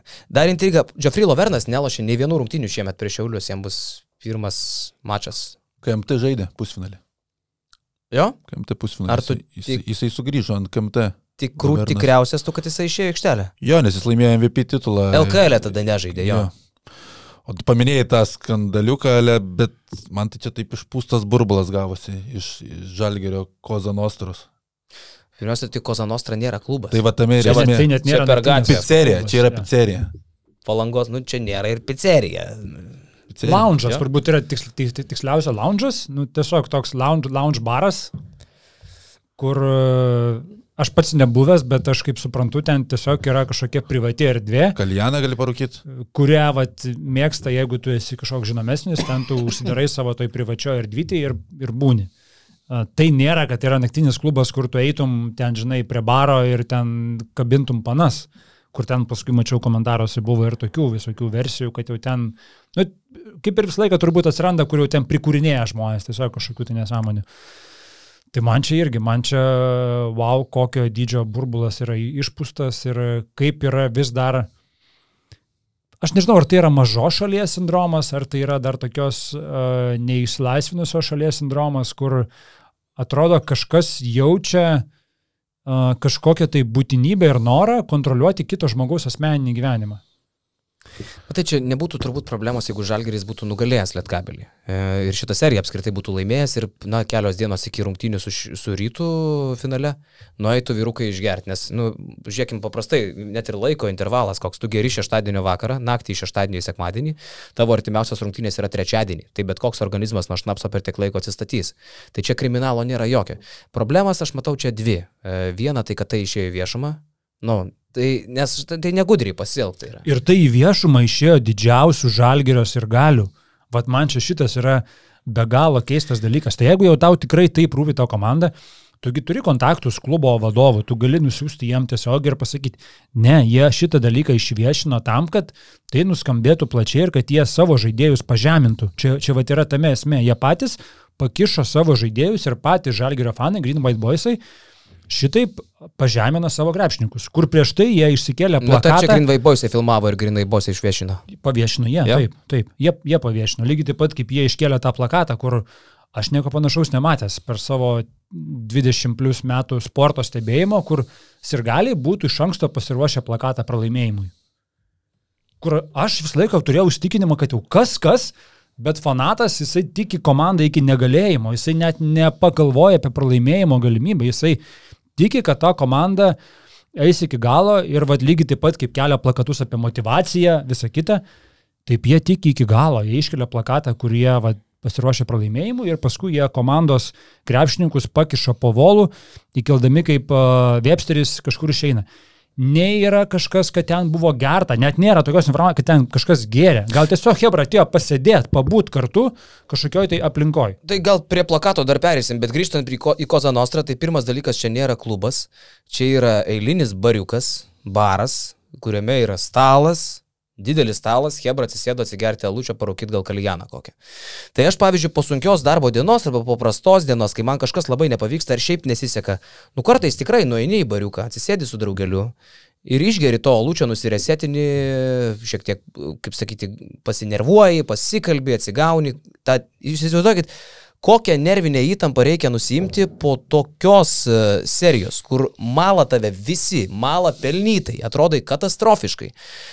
Pradedant mumis, kurie mala ir, ir yra už ką, baigiant ir galiais. Gėda didžiulė, nu, psichologinė įtampa. E, visigi žmonės elementariai yra milžiniška. Tai kokia yra tragedija nueiti į barą ir padaryti čerką? Nu kokia tragedija? Realiai, nueiti į barą ir padaryti čerką. Aš nesuprantu. Čia, tai problemos yra dvi, kad išplaukiai viešumą, kad išplaukiai viešumą ir kad kažkas, nu, negudriai ten pasielgia, nu, užsidarykit privačiau. Privačiau. Užsitraukite tas užuoldas, nelyskite iš jų. Neišeik Websterį su ta balta maikė, neonkė, supranti, kur šviečia viskas. Atsisėskit, arba kaip su vienu žaidėju dar kalbėjau, nežalgrio žaidėju būtekė atsisėsk, nu namie atsisėskit, ramiai, nu neįkite tą, kur tave tikrai matys, tu vis tiek esi kaune. Arba tiem, kas turi Kozanostrą, nu uždarykite barą, jau jeigu žalgyriečiai ateina, žinai situaciją, neleiskit tų pašalinių žmonių jokių. Čia sulošta buvo negudriai, O šiaip tragedijos aš nematau jokios. Ir žinai, ilgiausias paustas parašytas iš GVB, kad vietoje to, kad ruoštųsi užsidarytų salėje ir kovai dėl trečios vietos, ką jie pralaimėjo, eistau į salę iš karto žaisti. Nu, Iškai reikia atsigauti žmonėm, patiems žmonėm, kurie pralošė tokią seriją. Tai faktas, galvas atvesinti reikia, aš net sakyčiau, čia net, gal net gerai, kad po tokio fiasko jie vienas kito neišsisintinėjo, dar kartu sugeba nueiti ir pasėdėti. Ir kitas dalykas, Žalgris čia grinai pats klubas pasiduoda fanų įtakai galvoju, kad jie pagalvojo, o čia visai gerai, ne mus kaltina, ne mus, kad mes sukomplektavom tą sudėtį, kad ne mes tos žaidėjus pasikvietėm, tai nubausim, išleisim pranešimą, kad nubausim tos žaidėjus, gerai, čia visai visas dėmesys nukreipiamas nuo mūsų. Tai čia Žalgeris irgi pasiduoda ir mato, kad čia jiems gerai, gerai net gaunasi, nes ne juos tarkuoja. Ir rašoma, kad buvo pažįstos klubo vidaus taisyklės ar ne kažkoks toks api, apibendrinimas šitos situacijos. Ir man tada klausimas, įdomu, ar tokios pat klubo vidaus taisyklės galioja treneriams? Ar treneriai visgi yra aukštesnė kasta šiuo, šiuo atveju, šiuo klausimu ir jie negali viešai būti pastebėti bare, o krepšininkai gali. Ir ar, ar treneris, pavyzdžiui... Ką ne... tu turi menį Jasikevičių Republikę, ar, ar apie ką tu kalbėjai? Bet ką, tarkim, ar, ar, ar tai galioja ta pati tvarka, ar krepšininkas Pachmelnas, jeigu jie tokie buvo, ta prasme, mes net, net nėra jokių įrodymų, kad ten Hebra geria alkoholį. Šiaip tai iš vis biškai neteisinga, minimas klubas, kai čia ne klubas, žinai, klubas yra, klubas, klubas jo, yra bardakas, klubas yra ten koks modžio lounge'as, nežinau, ar dar tokia egzistuoja, aš nebeinu kažkaip į klubus. Nežinau, bet... Basementai, va čia klubai yra. Čia, čia, yra. čia yra tiesiog paprastas, nu, baras su stalu, kaip sakai, ateit pavalgyti, ar ten kaljano parūkyti, ar išgerti alaus. Tai tiek, tiek, čia net nėra, kad tu eitumai ten tūsinti, šokti ir taip toliau. Kitas dalykas, tai vad vienas dalykas, sakau, dėl, dėl tų standartų. Bet ar, kaip supinama, ar ne, kad Hebra yra... ėjo tūsinti? Ja. Kad he, tai jeigu Hebra sėdi ramiai prie stalo, gal net verkia atsisėdė. Gal verkia, mes nežinom, gal jie negeria, o gal geria, bet ne tiek, kiek visi įsivaizduoja. O čia įsivaizdavimas yra ir supinama. Klubas apsimyžė, apsišykė, apsivėmė, girti į taksą 8 ryto lipo, neįlipo, nugriuvo. Taigi nieks, ir va taip ta istorija pateikiama, tada gaunasi, kad čia tragedija. Aš iš baro toks ne visada išeinu. Būna, kad iš baro nueini į klubą, toks tada jau tada į džengo, toks ir išeini galiausiai. Bet e, čia nufilmuotas Websteris su balta maikė ir istorija papasakota, kaip tiesiog atrodo iš vaizduotės. Ir kitas dalykas, žinai, pabrėžima, kad tai yra didžiausias visų laikų žalgerio pralaimėjimas LKL, nu, tai yra didžiausias jų nusivylimas ir po to negalima išeiti. Taip, tavo emocinė būklė turėtų būti bloga, bet tai emocinė būklė yra kitokia, kai tu pralaimi ilgą seriją, ne? Tu jau po antrų rungtynių panevežį jau tau galvoji, abejonės atsirado, aš manau. Jau, jau krepšininkai tikrai galvoja, blecha, mes galim šitą seriją pralošti, mes galim į finalą neišeiti. Tu pralaimi Kaune trečias rungtynės, atsilikinėjai 1-2, tu į panevežį tikrai važiuoji galvodamas, kad va čia gali ta serija pasibaigti. Nėra, žinai, taip, kad čia rungtynės vienos, tu jas pralaimi, tu esi baisiam šokė ir nueini tada į Koza Nostra nėra, kad tai yra baisus šokas. Tu link šitos baigties tu ėjai ilgą laiką ir tiesiog panevežys buvo ilgo proceso pabaiga, kai jau pasibaigė, yra faktas blogiausias žalgerio sezonas. Ir nėra taip, kad dabar tu esi tokioj, nu aš nežinau, tuštumoje, kad šokė, kad, o, dabar tai vyko ir dabar, žinai, ai, bet aš būsiu šiknius, nueisiu, pasidėsiu į Kozanostrą. Aš yeah. noriu pasakyti, kad pati emocija nėra tokia šokinė, kokia jinai būtų pralaimėjus, pavyzdžiui, seriją iš vienų rungtynių ir tada po tų rungtynių visi nueina pasitūsinti ar kažkur pasidėti. Tokiu atveju tikrai neįtų. Čia buvo serija, tu ją pralaimėjai, parvažiavai. Manau, kad gal ir eitų, mes ne, ne, nežinom, ką jie ten veikia galų gale. Čia, žinai, tiesiog... Bet šiaip tu truputėlį pats savo prieštarauji dabar tada, sakydamas, kad čia nėra šoko ir kad tu galėjai to tikėtis ir tada priekaištauji, kad fanai galėjo to tikėtis ir pasiruošė du plakatus. Yra skirtingi dalykai. O kodėl fanai turi Aš- būti debilai, kurie užsimerktų ir aklai tikėtų? Aš faną būtent taip ir matau. du. Aš, Nu, faną, kodėl? aš faną būtent Kodėl? taip ir matau, nes, nes tai yra fanatikai. Kaip ir visi fanatikai, religiniai fanatikai, sporto fanatikai, jie viską mato taip ir jie neįsivaizduoja. jie negali būti paruošę du variantus? Nu, iš tikrųjų, matai žaidimą, matai, kad tau kitas, neina. niekas kitas daugiau netiki savo komandą, kaip tie patys ištikimiausi fanai. Bet tu matai, tai matai matom. kad tau neina objektyviai, bet pats sakai, tai nėra šokeris. Jau gali nujausti, kad gali būti ir taip. Matai, kad Lietkabelis labai gerai žaidžia. Kodėl tu negali būti pasiruošęs, jeigu jau atsitiks blogiausia? Būkime Aš sakau, pasiruošę. Aš, aš niekada gyvenime nebuvau matęs nieko panašaus. Tai- Jeigu, jeigu, jeigu yra buvę panašių atvejų, prašau, pataisykit mane, Ne visada siųskit- tai, siųskit kas- nuotraukas dar kažką, kur tokie buvo, buvę panašių. Aš to nematau. Ne visada tai, ko nėra buvę, yra, yra blogai, kad tai kartą atsitinka. Kodėl komandos ir galiai, matydami, kad e, šūdas gaunasi, negali realiai nusimatyti dviejų variantų? Matom, kad tikrai gali būti ir taip. Ir staigiai palaikysim savo komandą, parodysim jai paramą, jeigu atsitiks blogiausias variantas. Aš dėl baro tai pilnai su tavim sutinku, šitoje vietoje kažkaip tu, mačiau ir GVB ten parašė komentarą Facebook'e, aš nelabai supratau, kas ten tau taip užkliuvo. Nu ir kas? Aš sakau, tai išliuvo. Tai mano yra įstikinimas apie fanatą. Ne, ne apie šiaip žiūrovą. Bet fanatas neturi būti debilas. Jis gali matyti, kaip žaidžiamas krepšinis, linko visą tai krypsta, kaip tai gali debilas, Bet pasibaigti. jisai besąlygiškai tiki savo komandą. Va čia yra esminis. O čia dalykas. kažkur Jisai- apibrėžimas jisai- toks yra, kad fanatas turi būti kaip arklys, kuris vieną vagą turi, vat, vieną, tik tai čia tai bus ir ne kitaip, kai jis negali plačiau žiūrėti, matyti vaizdo. Čia vėlgi yra iš daugybės pavyzdžių, kiek yra tekę susidurti su fanatais. Jie besąlygiškai savo komandą tiki. Taip yra. Bet jie ir tiki, jie turėjo du variantus. O kas blogai, jie darbščiai pasižiūrėjo situaciją. Nu jeigu nedaug dievė, atsitiks taip, kad mes pralošim. Turėsim tą variantą. Gerai, mes iš tikrųjų diskutuojam apie plakatą. Ne, tai bet tu ten išstoji taip gana, aš aš pagalvojau, kad reikia apie tai pakalbėti. Aš, aš iš tikrųjų nebūčiau apie tą plakatą stojęs, bet man, man kur kas labiau užstrigo tai, kad kažkas jaučiasi turintis teisę reguliuoti žmonių asmeninį gyvenimą.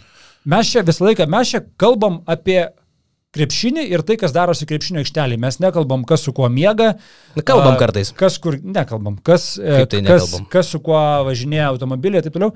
Čia yra visai kiti dalykai. Ir man tas kišimasis ir noras reguliuoti žmonių asmeninį gyvenimą, ką jie veikia po rungtynių, po serijos vėlgi, nes buvo palyginimai, kur man priminė irgi. Taigi rytas lygiai taip pat ryto legionieriai prie kurtnaičio lygiai taip pat elgėsi. Ne, ten buvo esminis skirtumas, ten buvo prieš rungtynes. Ir tai buvo klubas. Ir tai, ir tai buvo testinis, tai nebuvo Ne, pirmas bet ten buvo kartas. konkretus tūsas, ten Jo, buvo klubas, jo. jie konkrečiai tūsino, tai Ten labai buvo skirtumas klubas, tai, didelis. tai nebuvo pirmas kartas, tai buvo prieš rungtynės, tai buvo visai kita situacija. Čia yra po serijos ir tai ne klubas, o tiesiog lounge'as paprastas. Ir šiaip sako, linksminasi. Aš ten mačiau, gerai, Websteris su šypsena vaikšto. Nu, tai jisai Websteris, Kada jisai, jisai su šypsena vaikšto turbūt net šarvojimo saliai, kas dabar Žalgirio arena bus e, nuo trečiadienio. E, Bet e, už tos užuolaidos aš nežinau, kokios ten nuotaikėlės buvo. Nu, aš galiu įsivaizduoti, kas buvo už tos užuolaidos, kokie žmonės galbūt ten buvo. Aš taip spėlioju tiesiog mintysę savo. Aš tikrai nemanau, kad ten vyko tūsas. Nu, normalūs, kaip pat žmonės jūs įsivaizduokit, grįžtat po šūdinų, nežinau, savaičių, dviejų, trijų nesėkmių, dar kažko. Nu, tikrai su Hebra galėsi sėsti prie laus bokalo ir pakalbėti apie tai, kad, nu, nafi, kaip čia viskas yra blogai. Ir, ir net jeigu tu išspaudi šypseną, tai dar ačiū Dievui, kad sugebi žmonės, turbūt patys laimingiausi, kurie, pavyzdžiui, numirus artimam žmogui dar sugeba kažkaip bent jau kažkiek save pralinksminti ir tą šypseną išspausti. Nežinau, tragedija lygioje vietoje padaryta, kur Žinai, man parodo šitą bu- situaciją. bukumas kažkoks tai žmonių. Fanų kompleksas. Čia šita situacija taip išpūti burbalą lygioje vietoje. Galima atsiminti Edgaras Ulanovas. Ir jie neėjo į minę, sorry, kad pertraukau, jie neėjo į minę su fanais, ten kažką ten apsikabinę, jie už, užuolaido sėdi, realiai, jie ten neėjo bijo pasišaipančiai. akis pakelt. Taip. Ta prasme, tai Edgaras Ulanovas Stambule nusišypsojo po pralaimėto mačo. Didžiausias skandalas padarytas, kai nu, tos rungtynės jau viskas, jau pralaimėtos. Ką aš pakeisiu, dabar vaidinsiu, kad aš čia verkiu, man liūdna, užsidarau. Nu, tu nevaidini, ta prasme, tu gyveni gyvenimą, tai pralaimėjau, bet viskas baigėsi. Ir čia parodo, kad kartais fanai tikrai viską taip išpučia, kur sunku net Ir pasuvokti. žiūrint į ateitį, šitas, šita žinutė, šitas, šita naujiena apie Žalgerio paskelbimą, kad jie nubausto žaidėjus, nuskambėjo per Europą. Ir ar tai negali būti, kad ateityje koks tai žaidėjas, rinkdamasis legionierius, koks amerikietis ar ne, rinkdamasis kur važiuoti, žinai, turi pasiūlymą. Pavyzdžiui, Kaunas ir Münchenas, ne? Sąlygos vienodos, komandos daugmaž irgi šansai ten pasiekti kažką vienodi. Bet tu pagalvoji, Münchenas miestas didelis, aš ten lengviau paskeščiau, ten jeigu aš mėgstu kažkur išeiti, aš nepateksiu į visų akiratį. O čia vad buvo istorija, kur Hebra nuėjo pasėdėti, net nežinia, ką jie veikia ir iš to buvo padarytas maksimalus burbulas, kad vat, čia, čia jie kažką blogai daro. Ir man sakau, ar tai negali būti, kad ateityje pakenks elementariai bandant prisivilioti žaidėją kažkokį, kur yra kišimasis į žmogaus asmeninį gyvenimą. Tai Žiūrėk, veikia, e, bet e, reikia suprasti ir Paulių Motejūną, e, kuris, nu, privalėjo reaguoti. Vis dėlto, jeigu tu nekreipsi dėmesio į tos minios, kad ir ne patį protingiausią reikalavimą kažkaip reaguoti, nu tai iš to gali gautis tik dar blogesni dalykai, nes ta minė gali tau tada ir banerius kelti, ir tau... Čia yra tas toks, nu, gudrus ėjimas. Ir tave nušvilpinėti, ir tau fakus rodyti, ir tavo plakatą deginti vidury arenos. Supranti, Paulius privalėjo taip elgtis. Ir aš galvoju, kad net Paulius bauduodamas ten kokį nors ten e, taurę pakėlus į žalgyrėtį, turbūt, kad pasakė, aš spėčiau žodžius, seni, išgerk, problemos nėra. Išėjo į viešumą, aš kitaip reaguoti negaliu. Jo, jo, Viskas, taškas. Tu esi pats kaltas. Jeigu jūs nesugebat gerti taip, kad niekas neišgirstų, nepamatytų, tai kalta gali būti kas tik nori. Tavo aplinka, žmonės, kurie neužtikrino to privatumo, jūs patys, kad galų galėt ten šlaistėte su to besišypsančiu websteriu. Bet aš tave privalau bauduot, nes, nu, nes mane ėda fanai. Ir, o žalgiriui fanai dabar yra labai reikalingi, nes jeigu dar šitoj situacijoje šitaip apsišykęs žalgiris dar su fanais pradės konfrontuoti, Čia labai neprotinga būtų. Politkorektiškas geras Pauliaus ėjimas, reikėjo bauduoti. Čia ta situacija, kur nebuvo kito varianto, čia gerai pasakai. Ką su LKL baigiam? Su LKL, ar dar turi kažką? E, aš turiu jums testą paruošęs, vis dėlto rimtą savaitę, čia praeitą savaitę man iškėlė testą. Ai, dabar kerš, kerštausi? Aš turiu jums penkis teiginius, tiesa ir melas, apie mažąjį ir didįjį finalus. Bet paprašysiu greičio vyrai. Tiesa, melas abu greitai teiginį kalat, gerai? Tai vienas apjonas pirmas, kitas aš sakau pirmas. Gerai, paskui apsikeisiu. Pirmas teiginys. Mažajame LKL finale bus du Europos čempionai vyrų. Melas. Tiesa. Kokie? Antanas reikia ir galvoja kažkur antras gal yra. Ar aikštelėje? Nu, aš tiesiog, nes aš nesakiau nieko daugiau. Du Europos čempionai. Slanina. Tai Slanina klubo vadovas, nu jau ten nenuėkime į personalus. Ne, ne, ne, čia nesąmonė. Ne, ne, tiesa. Antanas Irika ir Geoffrey Lovernas 2013 su prancūzais nice. tapo Europos nice. čempionu. 1-0 Lekšas prieki, dabar Lekšas pirmas atsakinėja. E, visos keturios komandos iš mažojo ir didžiojo finalo turi bent po vieną NBA pašauktą krepšininką. Tiesa ar melas? Tiesa. Melas? Teisingas atsakymas yra, Šiauliai turi Sanoną, Žalgeris turi Loverną, Lietkabelis turi Radičevičių, O rytas? Rytas neturi nei vieno. Na, aš apie rytą ir pagalvojau. Melas. Kas ten gali būti pasiūlymas? Vienas. Geras kolgas. Gerai pavariau. Patinka? Vienas vienas. Vienintelis šiaulių žaidėjas. Jeigu pralaimėsiu, tai apkaltinsiu, kad čia buvo daug faktorių skaičių. Nebuvo nei vieno faktorių skaičius. Vienintelis šiaulių žaidėjas žaidęs LKL mažajame finale yra Arminas Urbutis. Tiesa ar melas? Vienintelis šiaulių žaidėjas žaidės mažajame. Dėl finale. bronzos jo. Yra Arminas Urbutis. Melas? Tiesa. Nors Varnas ir Sabetskis žaidė žalgerį, tačiau net jie apskritai net pusfinalį nerungtyniavę, nes ten trumpai lošė. Tai Urbutis yra vienintelis žaidėjas pusfinalyje ir mažajame finale šiaulių žaidėjas. Prienuose ir Rutinoje tris kartus žaidė, visi kiti neturi uh, ketveriukės patirties. 2-1 lekšas prieki. Ketvirtas teiginys. Abu didžiojo finalo dalyviai, tiek Rytas, tiek Lietkabelis, tarp savo žaidėjų turi LKL čempionų. Arba čempioną. Tiesa ar melas? Melas. Čempionų ar čempioną? Ta prasme, kaip... Nu, tu, Abi dvi komandos. Tai per abi komandas čempionų. Aha. Tai, bet e, tiesiog, ar yra čempionų abiejose? Mm, melas. Galiu pakeisti. Tarp žaidėjų. Galiu pakeisti. Nu, užfiksuota. Gerai, užfiksuota. Bet aš žinau, kad yra Lipkė yra karinė. Taip, Rytas turi Kariniauskas su Žalgiriu, Lipkevičius irgi su Žalgiriu. Penkis kart Kariniauskas. Tai ką dabar turim? 2-2. 2-1. Abu sakė melas. A, abu? Jo. Gali išlyginti Miklovai. Paskutinis teiginys. Lietkabelis turi vieną žaidėją, kuris atstovavo komandai Lietuvos krepšinio lygos finale prieš penkerius metus. Tiesa ar melas? Vieną kartą Lietkabelis žaidė LKL finale ir mano teiginys, kad Lietkabelis turi vieną žaidėją, kuris buvo toje komandoje prieš penkerius metus. Tiesa ar melas? Tiesa? Melas. Koks vaičiūnas galėjo būti tada? Tada Lietkabelėje nebuvo nei vieno absoliučiai pasikeitusi komanda. Tai aš tik okay. tai norėjau pasakyti, kokią gerą atkarpą turi Panevežio Lietkabelis, kokią gerą istorinį laikotarpį turi, kad net pakeitęs visą komandą, kaip pati organizacija gerai veikia, nėra nei vieno žmogaus, e, net, čia, net treneris kitas, ten buvo Maksvitis, dabar Čianakas. Viskas pasikeitė iš esmės, bet pastarojo dešimtmečio Lietkabelis su šita organizacija, su šitais vadovais yra toks, kuris vėl yra uh, finale pakeitęs visus žmonės. Tai 3-1. 3-1. Keliaudami iki Eurolygos finalo ketvirto, turime paskelbti, kad dar viena reklama. O dėl. kad turime appsą, kuris atsinaujino mūsų praeitą savaitę. Ir e, žymiai patogiau dabar yra sekti ir basketnews LT ir basketnews.com. E, Perjungimas tarp dviejų platformų yra labai paprastas. Appsas šiaip išsiplėtė, jame dabar galite pasiekti iš esmės viską, kas yra mūsų mobiliojai svetainiai, nuo naujienų iki visų lygų, iki tvarkaraščių, iki rezultatų statistikų. Nu, ir aišku, turbūt geriausia funkcija, kad yra, jeigu norite būti tame sėkime veiksmo, gaunate notificationus, nežinau kaip tai lietuviškai, pranešimus Pranešimai. į telefoną a, apie karščiausias naujienas, kurios iš, įvyksta krepšinio pasaulyje, vėlgi tiek lietuviškai, tiek angliškai šitos pranešimus galite gauti. Tai mūsų appsas e, Apple App Store ir Google Play e, labai lengvai atsisiųsti savo telefoną ir būti krepšinio įvykių sukūrėje. Telefoną, tarp kitko, sako tik tai tikri kauniečiai. Telefoną. Telefoną. Aš kai sakau telefoną, labai čia parzinu. Ane? Duok man savo telefoną. Telefoną. Ja. Klausyko, tai mūsų ir basketinius pliusas šią savaitę pasileidžia vietoj Patreono. Ir pliusas startuoja taip šią savaitę. Nežinau tikslios datos ar šiandien ar rytoj, bet e, jau jo visai. Čia už- didelė, didelė visai savaitė už- paskutiniusam iš tikrųjų. Pasileidžiam pliusą, šeštadienį legendinis sąskridis.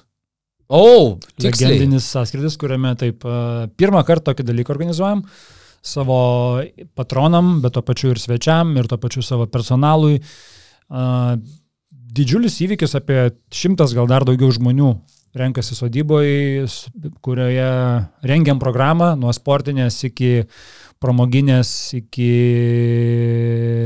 visokios Alko, kitokios. alkoholinės, būkime taip.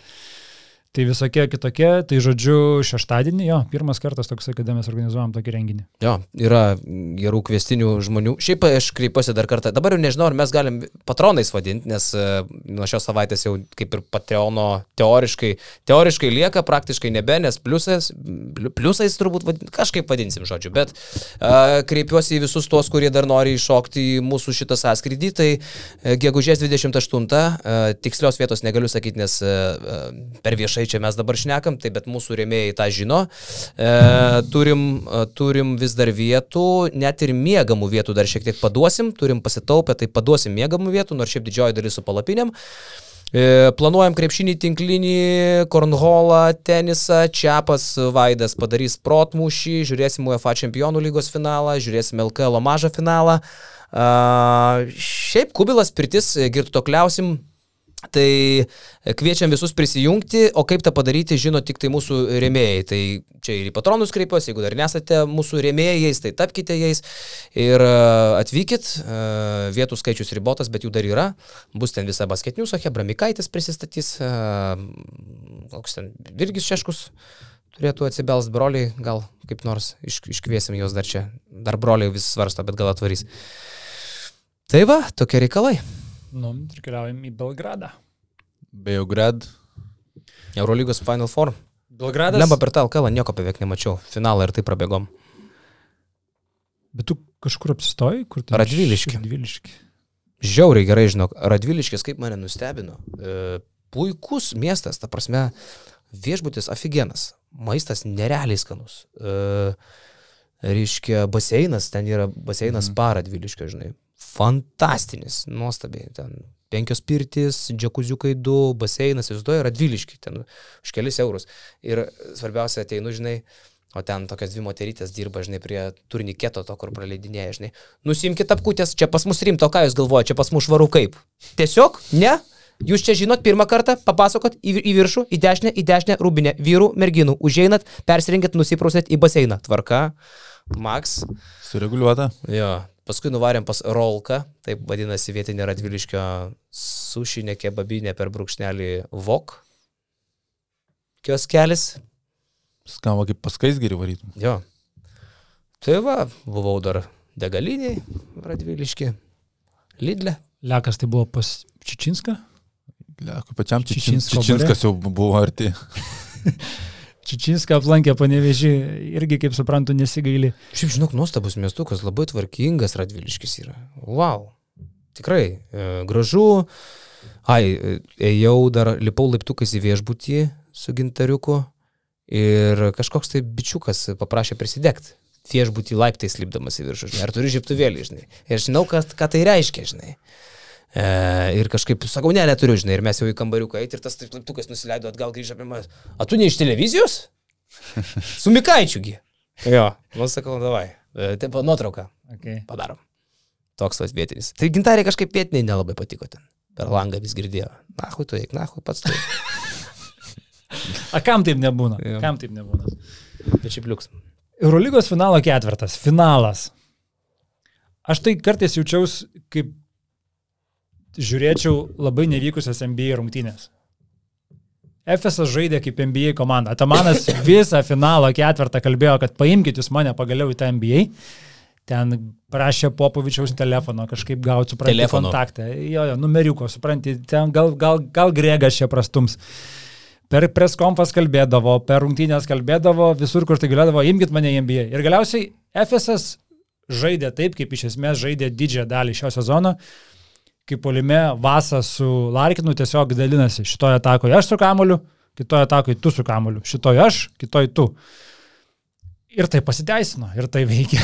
Ir su to žaidimu tapo Eurolygos čempionais. Jo, jie visą sezoną taip žaidžia Larkinas Mičius, bet 57 pelnyti taškai tai parodo, kad tu žaidži visą sezoną, bet tu sutinki tokią realo gynybą, kuri aš manau viena geriausia yra Eurolygos istorijoje. E, Tau palimas nesigauna, nes tu neturi tų kuriejų, bet gynyboje tu turi Abaldę, tu turi Taylorą, individualiai visi asmeniniai gynybai yra topų topas Eurolygos. E, Larkinui Mitčiui labai sunku kažką ir kurti, po krepšių turi tavarėsą, tai šiaip analizuojant visus finalo skaičius, kažkokia anomalija yra, kad Anadol FS sugebėjo laimėti penki žaidėjai pelnė taškus Anadol FS, e, septyni atlikti rezultatyvūs perdami per visą mačą, kai kalbam apie vieną geriausių Eurolygos istorijoje palimo komandų. Septyniais kamaliais palime mažiau atkovojo Anadol FS, šešiom klaidom daugiau suklydo. Oho. Bet viskas galėjo pasibaigti, jeigu Realas būtų pataikęs tuos metimus, kuriuos dažniausiai pataiko. Jie buselė prameta laisvas ant kem 5-6-0 trajekai, daužo lanką Fernandesas, daužo lanką Sergio Julas. Ir tikrai e, šita komanda Nadol FS, nu, sėkmių sėkmėjams ir Pablo Laso visą mačą buvo žymiai geresnis treneris už Atamaną, planas visiškai vyko pagal realą rungtynės, bet ta paskutinė taka kažkoks smegenų užtemimas įvyko. Nėra buvę Eurolygoje, Eurolygos istorijoje tokia situacija, kad e, tu matai, kad tau liks 3 sekundės po varžovo atakos ir tu nebauduodamas gali laimėti. Nebūna tokių situacijų. Larkinas galėjo uždaryti mačą su laisvų tritaškų, neįmė. Dviem. Dviem tritaškiais. Jo, dviem tritaškiais, bet ta paskutinė ataka, tu jau komentuodamas, tu iš karto sureaguoji, tu sakai, kad viskas, dabar jau nėra kito varianto, kaip tik prasižengti ir tu matai, hanga atsisukęs, klausimai, Pablo Laso nebauduojam, sako. Žaidėjai sutrikė, bet jie ginasi, klauso trenerių nurodymų ir tai nu palaidojo jų ir pats Pablo Laso sakė prungtinių, kad reikėjo bauduoti. Perdėgė, atrodo, laso, ne? Nesako visą laiką dabar apie tai galvosiu. Tam gyvam interviu. Jo, Ar čia reikėjo, reikėjo prasižengti ar ne? Aišku, kad dabar prasižengtų, žinai. Bet o tai yra... jisai, ką, ką jis tikėjosi padaryti? tai aš nėra, sakau, būtų bent šešias sekundės skirtų laikrodis, to dar tu turi šansą atsikovot kamalį, nueiti iki normalią ataką. Iš esmės dabar 3 sekundės tau atkovoji kamalį, du driblingai metimas nuo vidurio. Mhm. Aš nesu treneris, nebaigęs trenerių mokyklos, bet aš galvoju, tai yra situacija, kurią tu turi būti apsigalvojęs iš anksto. Ta prasme, kur tu pagalvoji, žinai, duše besibaudydamas, eidamas mėgot, lovai gulėdamas, ką aš daryčiau, jeigu ketvirto kelnio pabaigoje atsilikinėjau, ginuosi ir skirtumas tarp atakos laiko ir rungtinių laiko yra 3-4 sekundės. Tiesiog tai yra sprendimas, kurį tu, aš manau, turi savo galvoj ir kaip defaultą tu naudoji visą laiką tą patį sprendimą. Tai nėra, kad tu apie tai galvoji būtent tą akimirką, kai lieka 15 sekundžių ir tu matai, kad laikas tiksi ir dabar tu galvoji, ką darysi. Aš taip įsivaizduoju, kad tai yra dalykas, kurį tu turi būti nusprendęs kaip tėvė mūsų savo tokią taktiką, kaip tu elgesi tuo laiku, tuo, tokiu momentu, jeigu jisai toksai yra.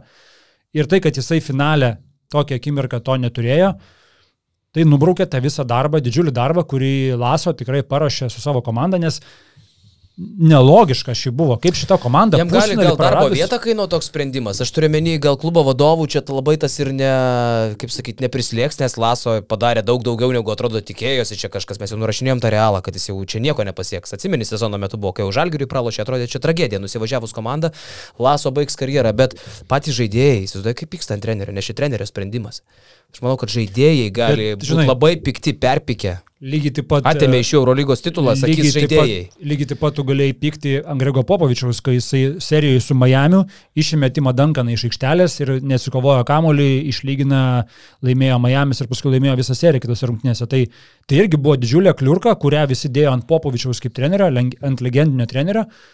Aš galvoju, tai yra tik taip pavyzdys, kad visi klysta. Ir Laso, tai, kad jisai tokią komandą pirmąją pusfinalio minutę praradęs Nigelą Williamsą Gosą, vienintelį komandos žaidėją, kai Ertelio nebeliko, vienintelį tikrą žaidėją. Nuo Barsos jie trečiam kilni turėjo kiek? 12-13 taškų ir sugebė nugalėti Barsą pusfinalį ir paskui parengti nuostabų planą finale ir iki paskutinių sekundžių žaisti su FSU lygiai ir turėti šansą tapti čempionu man būtų labai keista, jeigu klubo vadovams ateitų mintis nuimti trenerį, kuris sugebėjo tiek daug pasiekti šitą komandą. Man irgi keista, aš tik tai darau prielaidą, kad patys žaidėjai gal užpykę galėtų būti ar kažkaip ten, žinai, nu atėmė iš manęs titulą, kaip koks ten rėktų, gal mažiau protingas krepšininkas, kokią čia nesąmonę sugalvoja, žinai, aš čia turėjau šansą tapti Eurolygos čempionu, kodėl mes nebaudavom, nu, galėtų įnešti žiežirbą klubo viduje tokie dalykai. Bandau tiesiog įsivaizduoti, kaip, kaip gali atrodyti rūbinė po tokio trenerio sprendimo. Nes čia mes kalbam ne apie LKL reguliarkė, mes apie Eurolygos finalą šnekam, žinai. Ja, bet Pablo Laso yra toks žmogus, ant kurio sunku pykti. Jo. Šipsenėlė, viskas, ok, ok, viskas. Bet šiaip šitas tas finalas tik tai iliustravo, sėkmi, kokie sėkmė šį sezoną aplankė Nadol FS. Galima atsiminti, jeigu būtų normalus Eurolygos sezonas, klausimas, ar Nadol FS būtų patekę į atkrintamasias užima šeštą vietą, tada ketvirtfinalį laukia treči, trečias Milanas, kuris pirmose rungtynėse praranda du savo pagrindinius žaidėjus ir tai ten sunkiai susitvarko, trečiame čia reikėjo Larkino ten solo pasirodymų rungtynių pabaigoje, kad jie išeitų iškovotų pergalę ir po to išeitų į finalo ketvirtą. Pusfinalyje lygus rezultatas, Micičius atrodo perlaiko kamolį, išmeta savo nebūdingą metimą, ilgai ore išbūdamas pataiko tritaškį ir paskutinės rungtynės vieno taškų laimos, kai tiesiog varžovų treneris nusprendžia, nu, suklysta, grubiai suklysta, galima taip sakyti. Tai milžiniška sėkmė, bet irgi Atamanas pasakė, Atamanas padarė, dabar tu nieko negali teisti ir šiaip neįtikėtina ketverių metų dinastija Nadol FS ir galbūt tai ir nėra pats geriausias Eurolygos istorijoje klubas, bet šitą dinastiją ketverių metų nedaug, nedaug kam pavykę yra tris patekti finalus pailiui. Kiekvienas sezonas jie buvo, man atrodo, geriausiai apskritai žaidė krepšinį iš tų ketverių metų, kuris buvo anksčiau, laik, anksčiau laiko nutrauktas. Taip kad tikrai atrodo, kad dabar jau išsiskirsti, tai Micičius tikriausiai NBA, Larkinas neaišku, ar liks ir reikės atsinaujinimo, bet šitie ketveri metai tikrai eis į Eurolygos istoriją. Ir dar grįžtant prie to, sakau, kad tai atrodo tarsi kaip NBA komanda, kur žaidėjai dalinasi tai vienas, tai kitas. Bet tokioj situacijoje Efesas buvo iš dalies ir dėl to, kad jie neturėjo dviejų svarbių gynėjų. Bebua žaidė, bet jisai tikrai nebuvo tas Bebua, kuris gali būti. Simonas nežaidė ir apskritai baigė savo karjerą Efeso komandai. Ir iš esmės tai buvo komanda, kuri, ir, kur, kurios visa atsakomybė ant tų dviejų žaidėjų pečių ir krito. Ir, ir jie ir turėjo tą komandą temti. Ir iš esmės jie tą ir padarė. Jie paėmė ir ištempė dviese ant pečių ir dar atrado Tiborą Plaisą kuris finalo antroji pusėje rungtynėse, kuriuose pelnoma kiek 57 taškai. PM8, PM7 baigė. PM8 taškai. Uh, Laisas 17 taškų sumeta antroji rungtynių pusėje. Šiaip kur... Laisas apskritai neapdainuotas jų herojus, jis ir su Milanu pažiūrėk sužaidė ten vos ne karjeros rungtynės ketvirtfinalyje, ne? Jo, reikia jiems prie Larkinas su Mitčim taip, nuostabus, bet trečias žaidėjas, jeigu neatsiranda polime, ten Nodolefės negali laimėti Eurolygos ir pi, pirmus du kelnius taip ir atrodė, kad tik tais Mitčius ir Larkinas žaidė ir tas Laisas tikrai išsit, išsitrauktas ir būtent jisai buvo esminis faktorius finale. Ir dabar Nodolefės tokį sukuria blogą pavyzdį, tu šūdamali visą sezoną į, į atkrintamasias vos patenki, bet tai parodo, kad jeigu tu patenki atkrintamasias, užėmi šeštą vietą, tu gali jungti aukštesnį režimą ir laimėti Eurolygą. Jo, bet tu turi teisę taip malti šūdą, jeigu tu turi talentingiausią gynėjų duetą Eurolygos istorijai. Va dėl to- Ne, tai tada, o taip turbūt greitai neatsitiks kitai komandai. Jeigu ne, tu tokius prabangos neturi. Dėl to Tai geriausia. realiai pasityčiojo Tamanas iš Eurolygos. Taip, taip. Apšėrė fakais ir išėjo. Nu. Taip. Man patiko spaudos konferencija, jau visi žaidėjai irgi jau žino, kaip, kaip rodyti. Čia ta mano klasikinis šitas ėjimas. Bet dėl to geriausio tandemo Eurolygos istorijoje Donatas, mačiau, rašė tekstą, iškėlė tuos visus, tai aš galvoju, kad kas galėtų prilygti vieninteliai Larkinui ir Micičiui, tai buvo. Jasikevičius ir Parkeris. Ten buvo irgi mega dominuojantis tandemas. Tuo laiku, aišku, taip. Nu taip. Bet va, dėl to, kad tu gali malt šūdą, finišuoti šeštas ir... O Džeimsas ir tapt Lekavičius čempionu. panatnaikose. Džimsas ir Lekačius, uuu, Nu, apie ką mes šnekam. dar kalatį pridė. O. U, tikrai. Visi... Uh, Džeimsas ir Larkinas, sorry, nebuvo Baskonijoje kartu. Ne, apsilinkė. A, Vienas. ok. kalbant apie šitą finalo ketvirto formatą, man tai buvo dar vienas pavyzdys, kad kokia didžiulė nesąmonė yra Eurolygos finalo ketvirtas iš sportinės pusės. Ir sakau, jeigu klubams realiai rūpėtų jų finansai, jie už tą klausimą senai būtų iškėlę. Aš dabar, pavyzdžiui, paimu Barceloną. Sukišta šiemet yra 40 milijonų plus į šitą klubą. Pernai panašiai turbūt. Per Kiek iš dviejus, savivaldybės? nežinau, per dviejus metus Trys lemai. 80 milijonų su viršum šita komanda sukišo ir visa tai yra vien dėl to, kad tu atvažiuotumai į turnyrą, kuriame viską lemia vienos rungtynės, tai vienas dalykas, kitas dalykas, iš tų vienų rungtynių tu nieko neuždirbi. Nugalėtojai ką gauna milijoną? Aš suprasčiau, jeigu finalo ketvirtas būtų renginys, kuris yra didžiulis finansinis katilas, kurį Eurolyga, žinai, yra užauginus kaip tokį nu, kur ten pinigai verdas ir su geru kočėlu musikuoja. nemaišo su kočėlu. Pinigų nemaišo, jo, bet čia toks. Bet esmė, kad tos komandos atvykusios į finalo ketvirtą, jos nieko už tai negauna. Ir dabar mes gaunam situaciją, kai jeigu tos serijos, jeigu taip vyktų serijos, ne, klubai bent jau uždirbinėtų iš pardavimo bilietų. Vienas dalykas. Kitas dalykas, tų komandų fanai tas serijas matytų. Pavyzdžiui, ispanų fanai, jie nekeliauja šiaip. Ispanijoje krepšinis toli gražu iki futbolo, toli, toli gražu. Bet krepšinis tokioj didžiuliai šaly turi savo sirgalių. Ir pavyzdžiui, Madridė būna tikrai gera atmosfera, jie turi netokį savo savotiškų ultrų kamputį, kur su vėliavom musikuoja. Ei, tai ir palauk. Viskas Palauk labai neblogai. Palautas pas, bet palau yra maža salytė, žinai. Okay. Tai dėl to. Bet esmė, kad tie klubai tikrai turi savo fanų, bet jie niekada nekeliauja. Ispanijos rinktinės irgi, irgi niekada sirgaliai paskui jie nekeliauja. Ispanai per paskutinius 15 metų Europoje išlavė visus Eurobasketus, ne, didžiąją dalį. Nėra vietinio Theklo. Jo, sėklos nėra vietinė. Thekla. Ispanų, pažiūrėkim, jų niekada, jie niekada ne, nekeliauja. Ir toje vietoje, aš sakau, jeigu ne Olimpiekos fanai, čia būtų buvus smertis uh, tribūnose, būtų, pavyzdžiui, pat, patekęs Monakas, ne? Kaip tai būtų buvę blogai? Iš žiūrovų pusės. Kaip tai būtų buvę blogai? Ir viskas į tai vedasi, kad Barsas sukiša krūvą, krūvą, krūvą pinigų. Viską pasistato ant vienų rungtinių lygą. Nu, okei, okay, tebūnie tai yra tavo modelis, bet tada tu bent jau duok uždirbti. Bet tu ir neduodi uždirbti, ir neduodi normalioj serijoje išsiaiškinti nugalėtoją. Jonai labai gera tema. O kaip dėl Europos Europos taurės varžybų formato? Partizanas Pakalbėkim dar apie tai. Taip, taip, labai tai aš, įdomu. aš apie tai turiu irgi labai tvirtą nuomonę. Tai yra Aha. antras turnyras, Taip. kuris yra šiaip ar kaip taip- klubų, kuris klubų yra šiaip ar taip niekam neįdomus, kuris yra šiaip ar 20 O kaip klubų milijonų. interesai? Kiek- kiek yra Europos turė- Badalona pinigai, kiek yra partizan, Europos virtus. partizanas, koks yra biudžetas partizano? reikia sakyti virtuš. Koks yra biudžetas partizano? Tai yra komandos su- Didžiausias su klubo žymiai- istorijoje, su žymiai jiems tai mažes- labai didelis Tai yra biudžetas. komandos su žymiai mažesniais biudžetais ir tai yra Bet antras jiems tai yra turnyras. dafiga, jie metė Tai- tai pinigus yra pats turnyras. absoliučiai. Partizanas Ne, bet tai investuoja tu kalbėjai viena vertus apie klubo interesus, paskui apie lygos. Vėl apie tai, bet jeigu iš klubo pusės, tai čia tas pats. Jie irgi išlikštų. tas pats. Ne tas pats. Ai, Jonai, tu senas išlikštų žmogau. Tai yra, tai yra antras turnyras. tai yra Jis bjaurus pasidarė yra? su metais. Ne, ne, žinai kaip yra. Nu, pavyzdžiui, okay, aš duosiu labai paprastą palyginimą, ne? Įstoti į gerą univerą yra... Tu ką tik pašaukiai. Gerai. Įstoti į gerą univerą yra sunkiau negu jame mokytis. Taip. Tai yra taisyklė.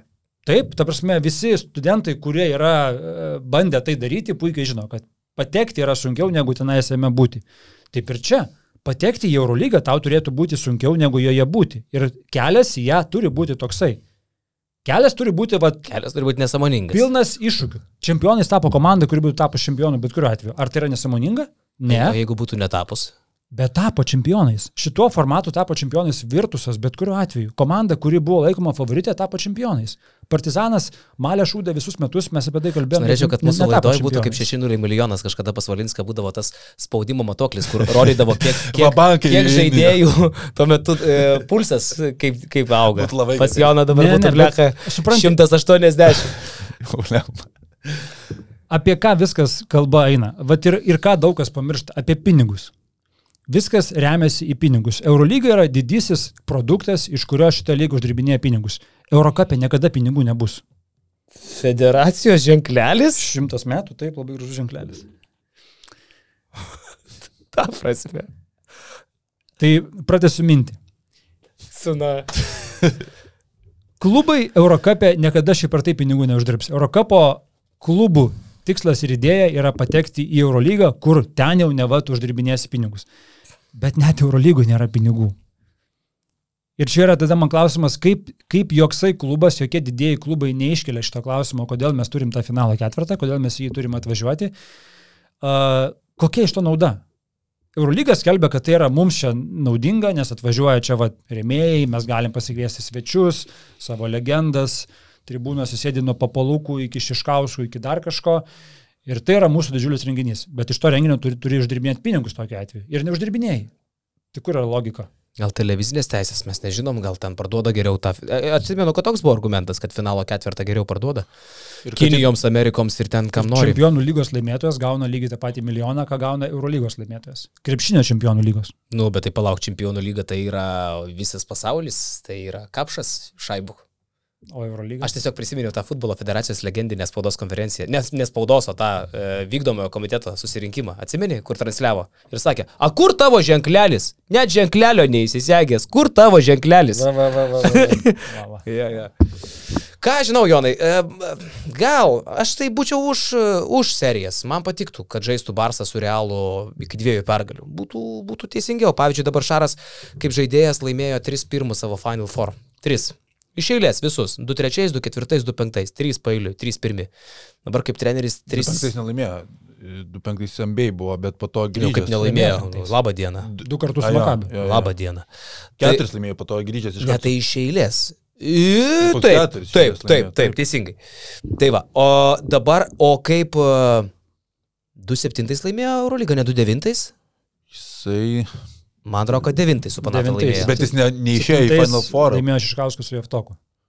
Man atrodo, kad jisai pirmus, kur išėjo Final Fourus, laimėjo keturis. Nu, 3 tai tikrai. Dabar kaip treneris pirmus 3 e, prapila. Ir kažkaip, vat, kai jis treniruoja, okei, okay, žalgiriui treniruodamas, nu, okei, okay, ten pra, seriją su Feneriu dar daugiau prapiltume negu tą vieną grajų.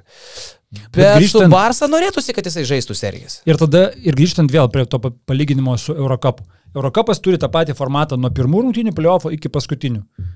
Kaip paaiškinti Eurolygos, kad playoffai ketvirtfinalis iki trijų pergalių, o paskui jau pusfinalis finalas iki vienos pergalės? Kokia čia yra logika?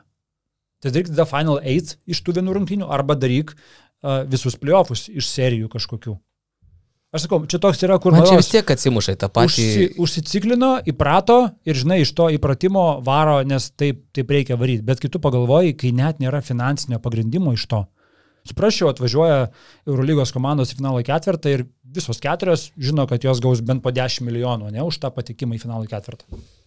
Ok, tada ten ir ta myra alga pateisinama yra ir visa kita. Dabar nėra jokio finansinio pateisinimo. Lemba, jeigu 10 milijonų gautum už pergalę Eurolygoje, tai aš manau, kad Matijūnas galėtų ir didesnės paskolas pasiimti. Vien eint va banką, kad pabandytum į tą Final Four nueiti. Nueini į Final Four, paskolas atiduotas iš karto. Šį sezoną paskola nepadėjo LKL finalą patekti. Bet tai palauk, ta paskola pernai paimta ar šiemet? Šiemet, šis šiam sezonui. Mm. Ok. Apie tas paskolas. Good hand job. Gu- Bet ta paskola išmokama, sakė, atidirbo iš bilietų. Gerai. tai nesvarbu, taigi mes mokam, nu koks skirtumas. Atau gaila. Oi, mokėtojas. O kas mokėtojas? Tu moki mokesčius? Dar ir kiek aš jūsų moku? kam Kam tu nors vienas žiūrovas tiek tu sumokėtų mokesčių, kiek aš. Kauno ir Kauno rajonai. Lietuvos valstybei. Kauno ir Kauno rajonai. GPM yra iš GPM yra čia mokama žalgiriui. Tu GPM moki kam? Aš Kauno ir Kauno rajonai. įmonėje kokioj? Kokio įmoniai? Šito įmonėje. Tavo mokesčiai eina pagal tai, kur tu gyveni. Tai aš žinai, kiek gyvenime esu sumokėjęs mokesčių. Tu Aš moku- Kauno rajono Hoptrans Sirenas. Labą dieną, aš moku mokesčius valstybei. Aš moku mokesčius valstybei. Yra surinkinėjama pagal tai, kokiam tu rajone gyveni, ar kokiam tu mieste gyveni, pagal tą GPM dalis yra paliekama tam rajonui. Tai gerai, o paskui paskirsto. Ten, pavyzdžiui, Vilnius yra, kad Vilnius surenkama labai daug GPM, bet jį paskirsto per visą Lietuvą, nes Vilnius tik tai dalį savo tų pajamų gauna. Ir kuo ma- mažiau maži, Gerai, miestai, sakydamas, aš turiu omeny visus miestiečius. Aš norėčiau, kad tą žmonės suprastų. suprastų. Ar aš, ar tu, ar tu, gerai, Kaune gyveni, tai nėra Motejūno klubas. Gyveni Kaune, gyveni Vilniuje, kaip ten. Aš tą sakau. Tai vad mano tas yra, kad aš norėčiau, kad kiekvienas miestietis pasijaustų žalgerio savininku. Aš tą labai norėčiau. Kiekvienas. Nes tai yra jūsų pinigai, viskas. Absoliučiai. Kuri dalis yra neteisinga?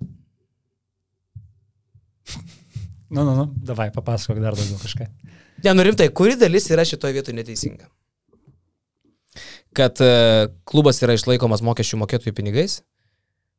3 milijonai. Visi klubai yra išlaikomi mokesčių mokėtojų pinigais. Ne visi, pats minėjai, Visi? kiek Barcelona gauna iš savivaldybės. apie Lietuvą, apie Lietuvą. Tai va būtent, tai va mūsų šitam Visi- kaimukė nėra ką vaidinti savininkų, nei Mūsų- Gudeliui, nei Motejūnui. Tai taip. E, tą ir noriu pasakyti.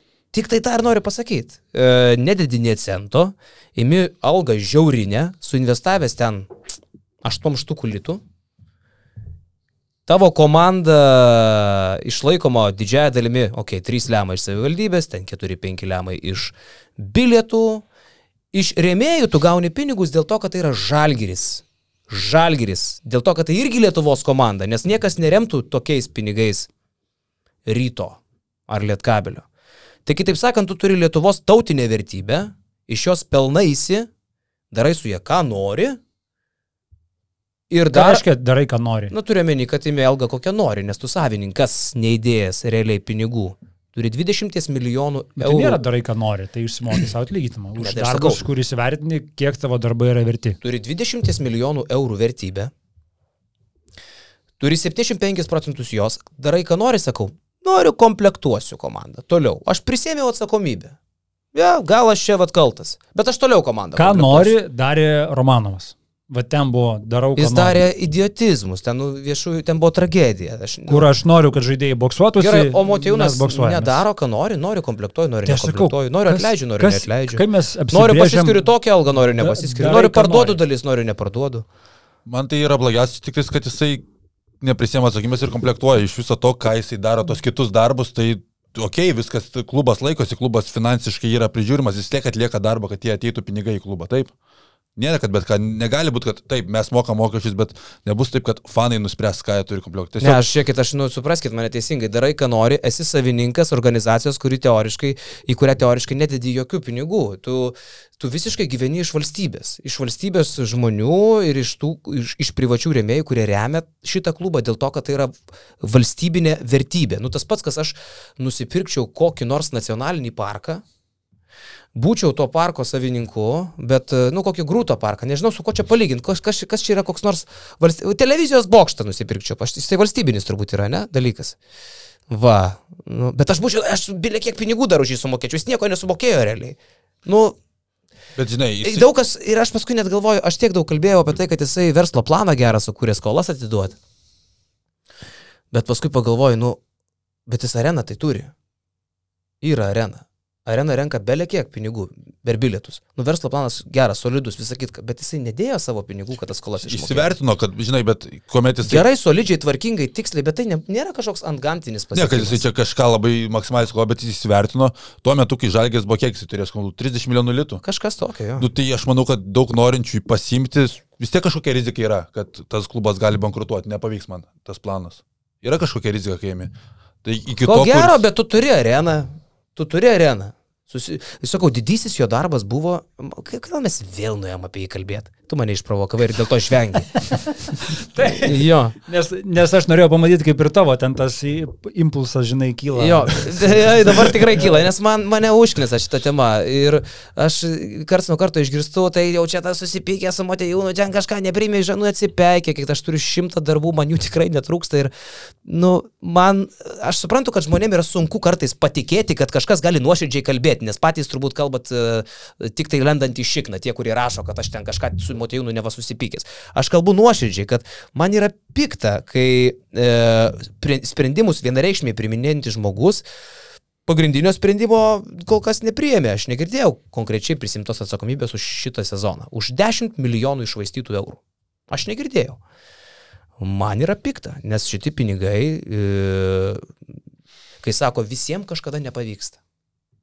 Jo, kurioje dar šalyje yra komanda su tokiu viršsvoriu finansiniu, lyginant su kitais klubais. Bet visiems tikrai nepavyksta kažkada anksčiau ir vėliau. Kurioje dar šalyje yra toks skirtumas tarp pirmos ir antros komandos? Izraelį?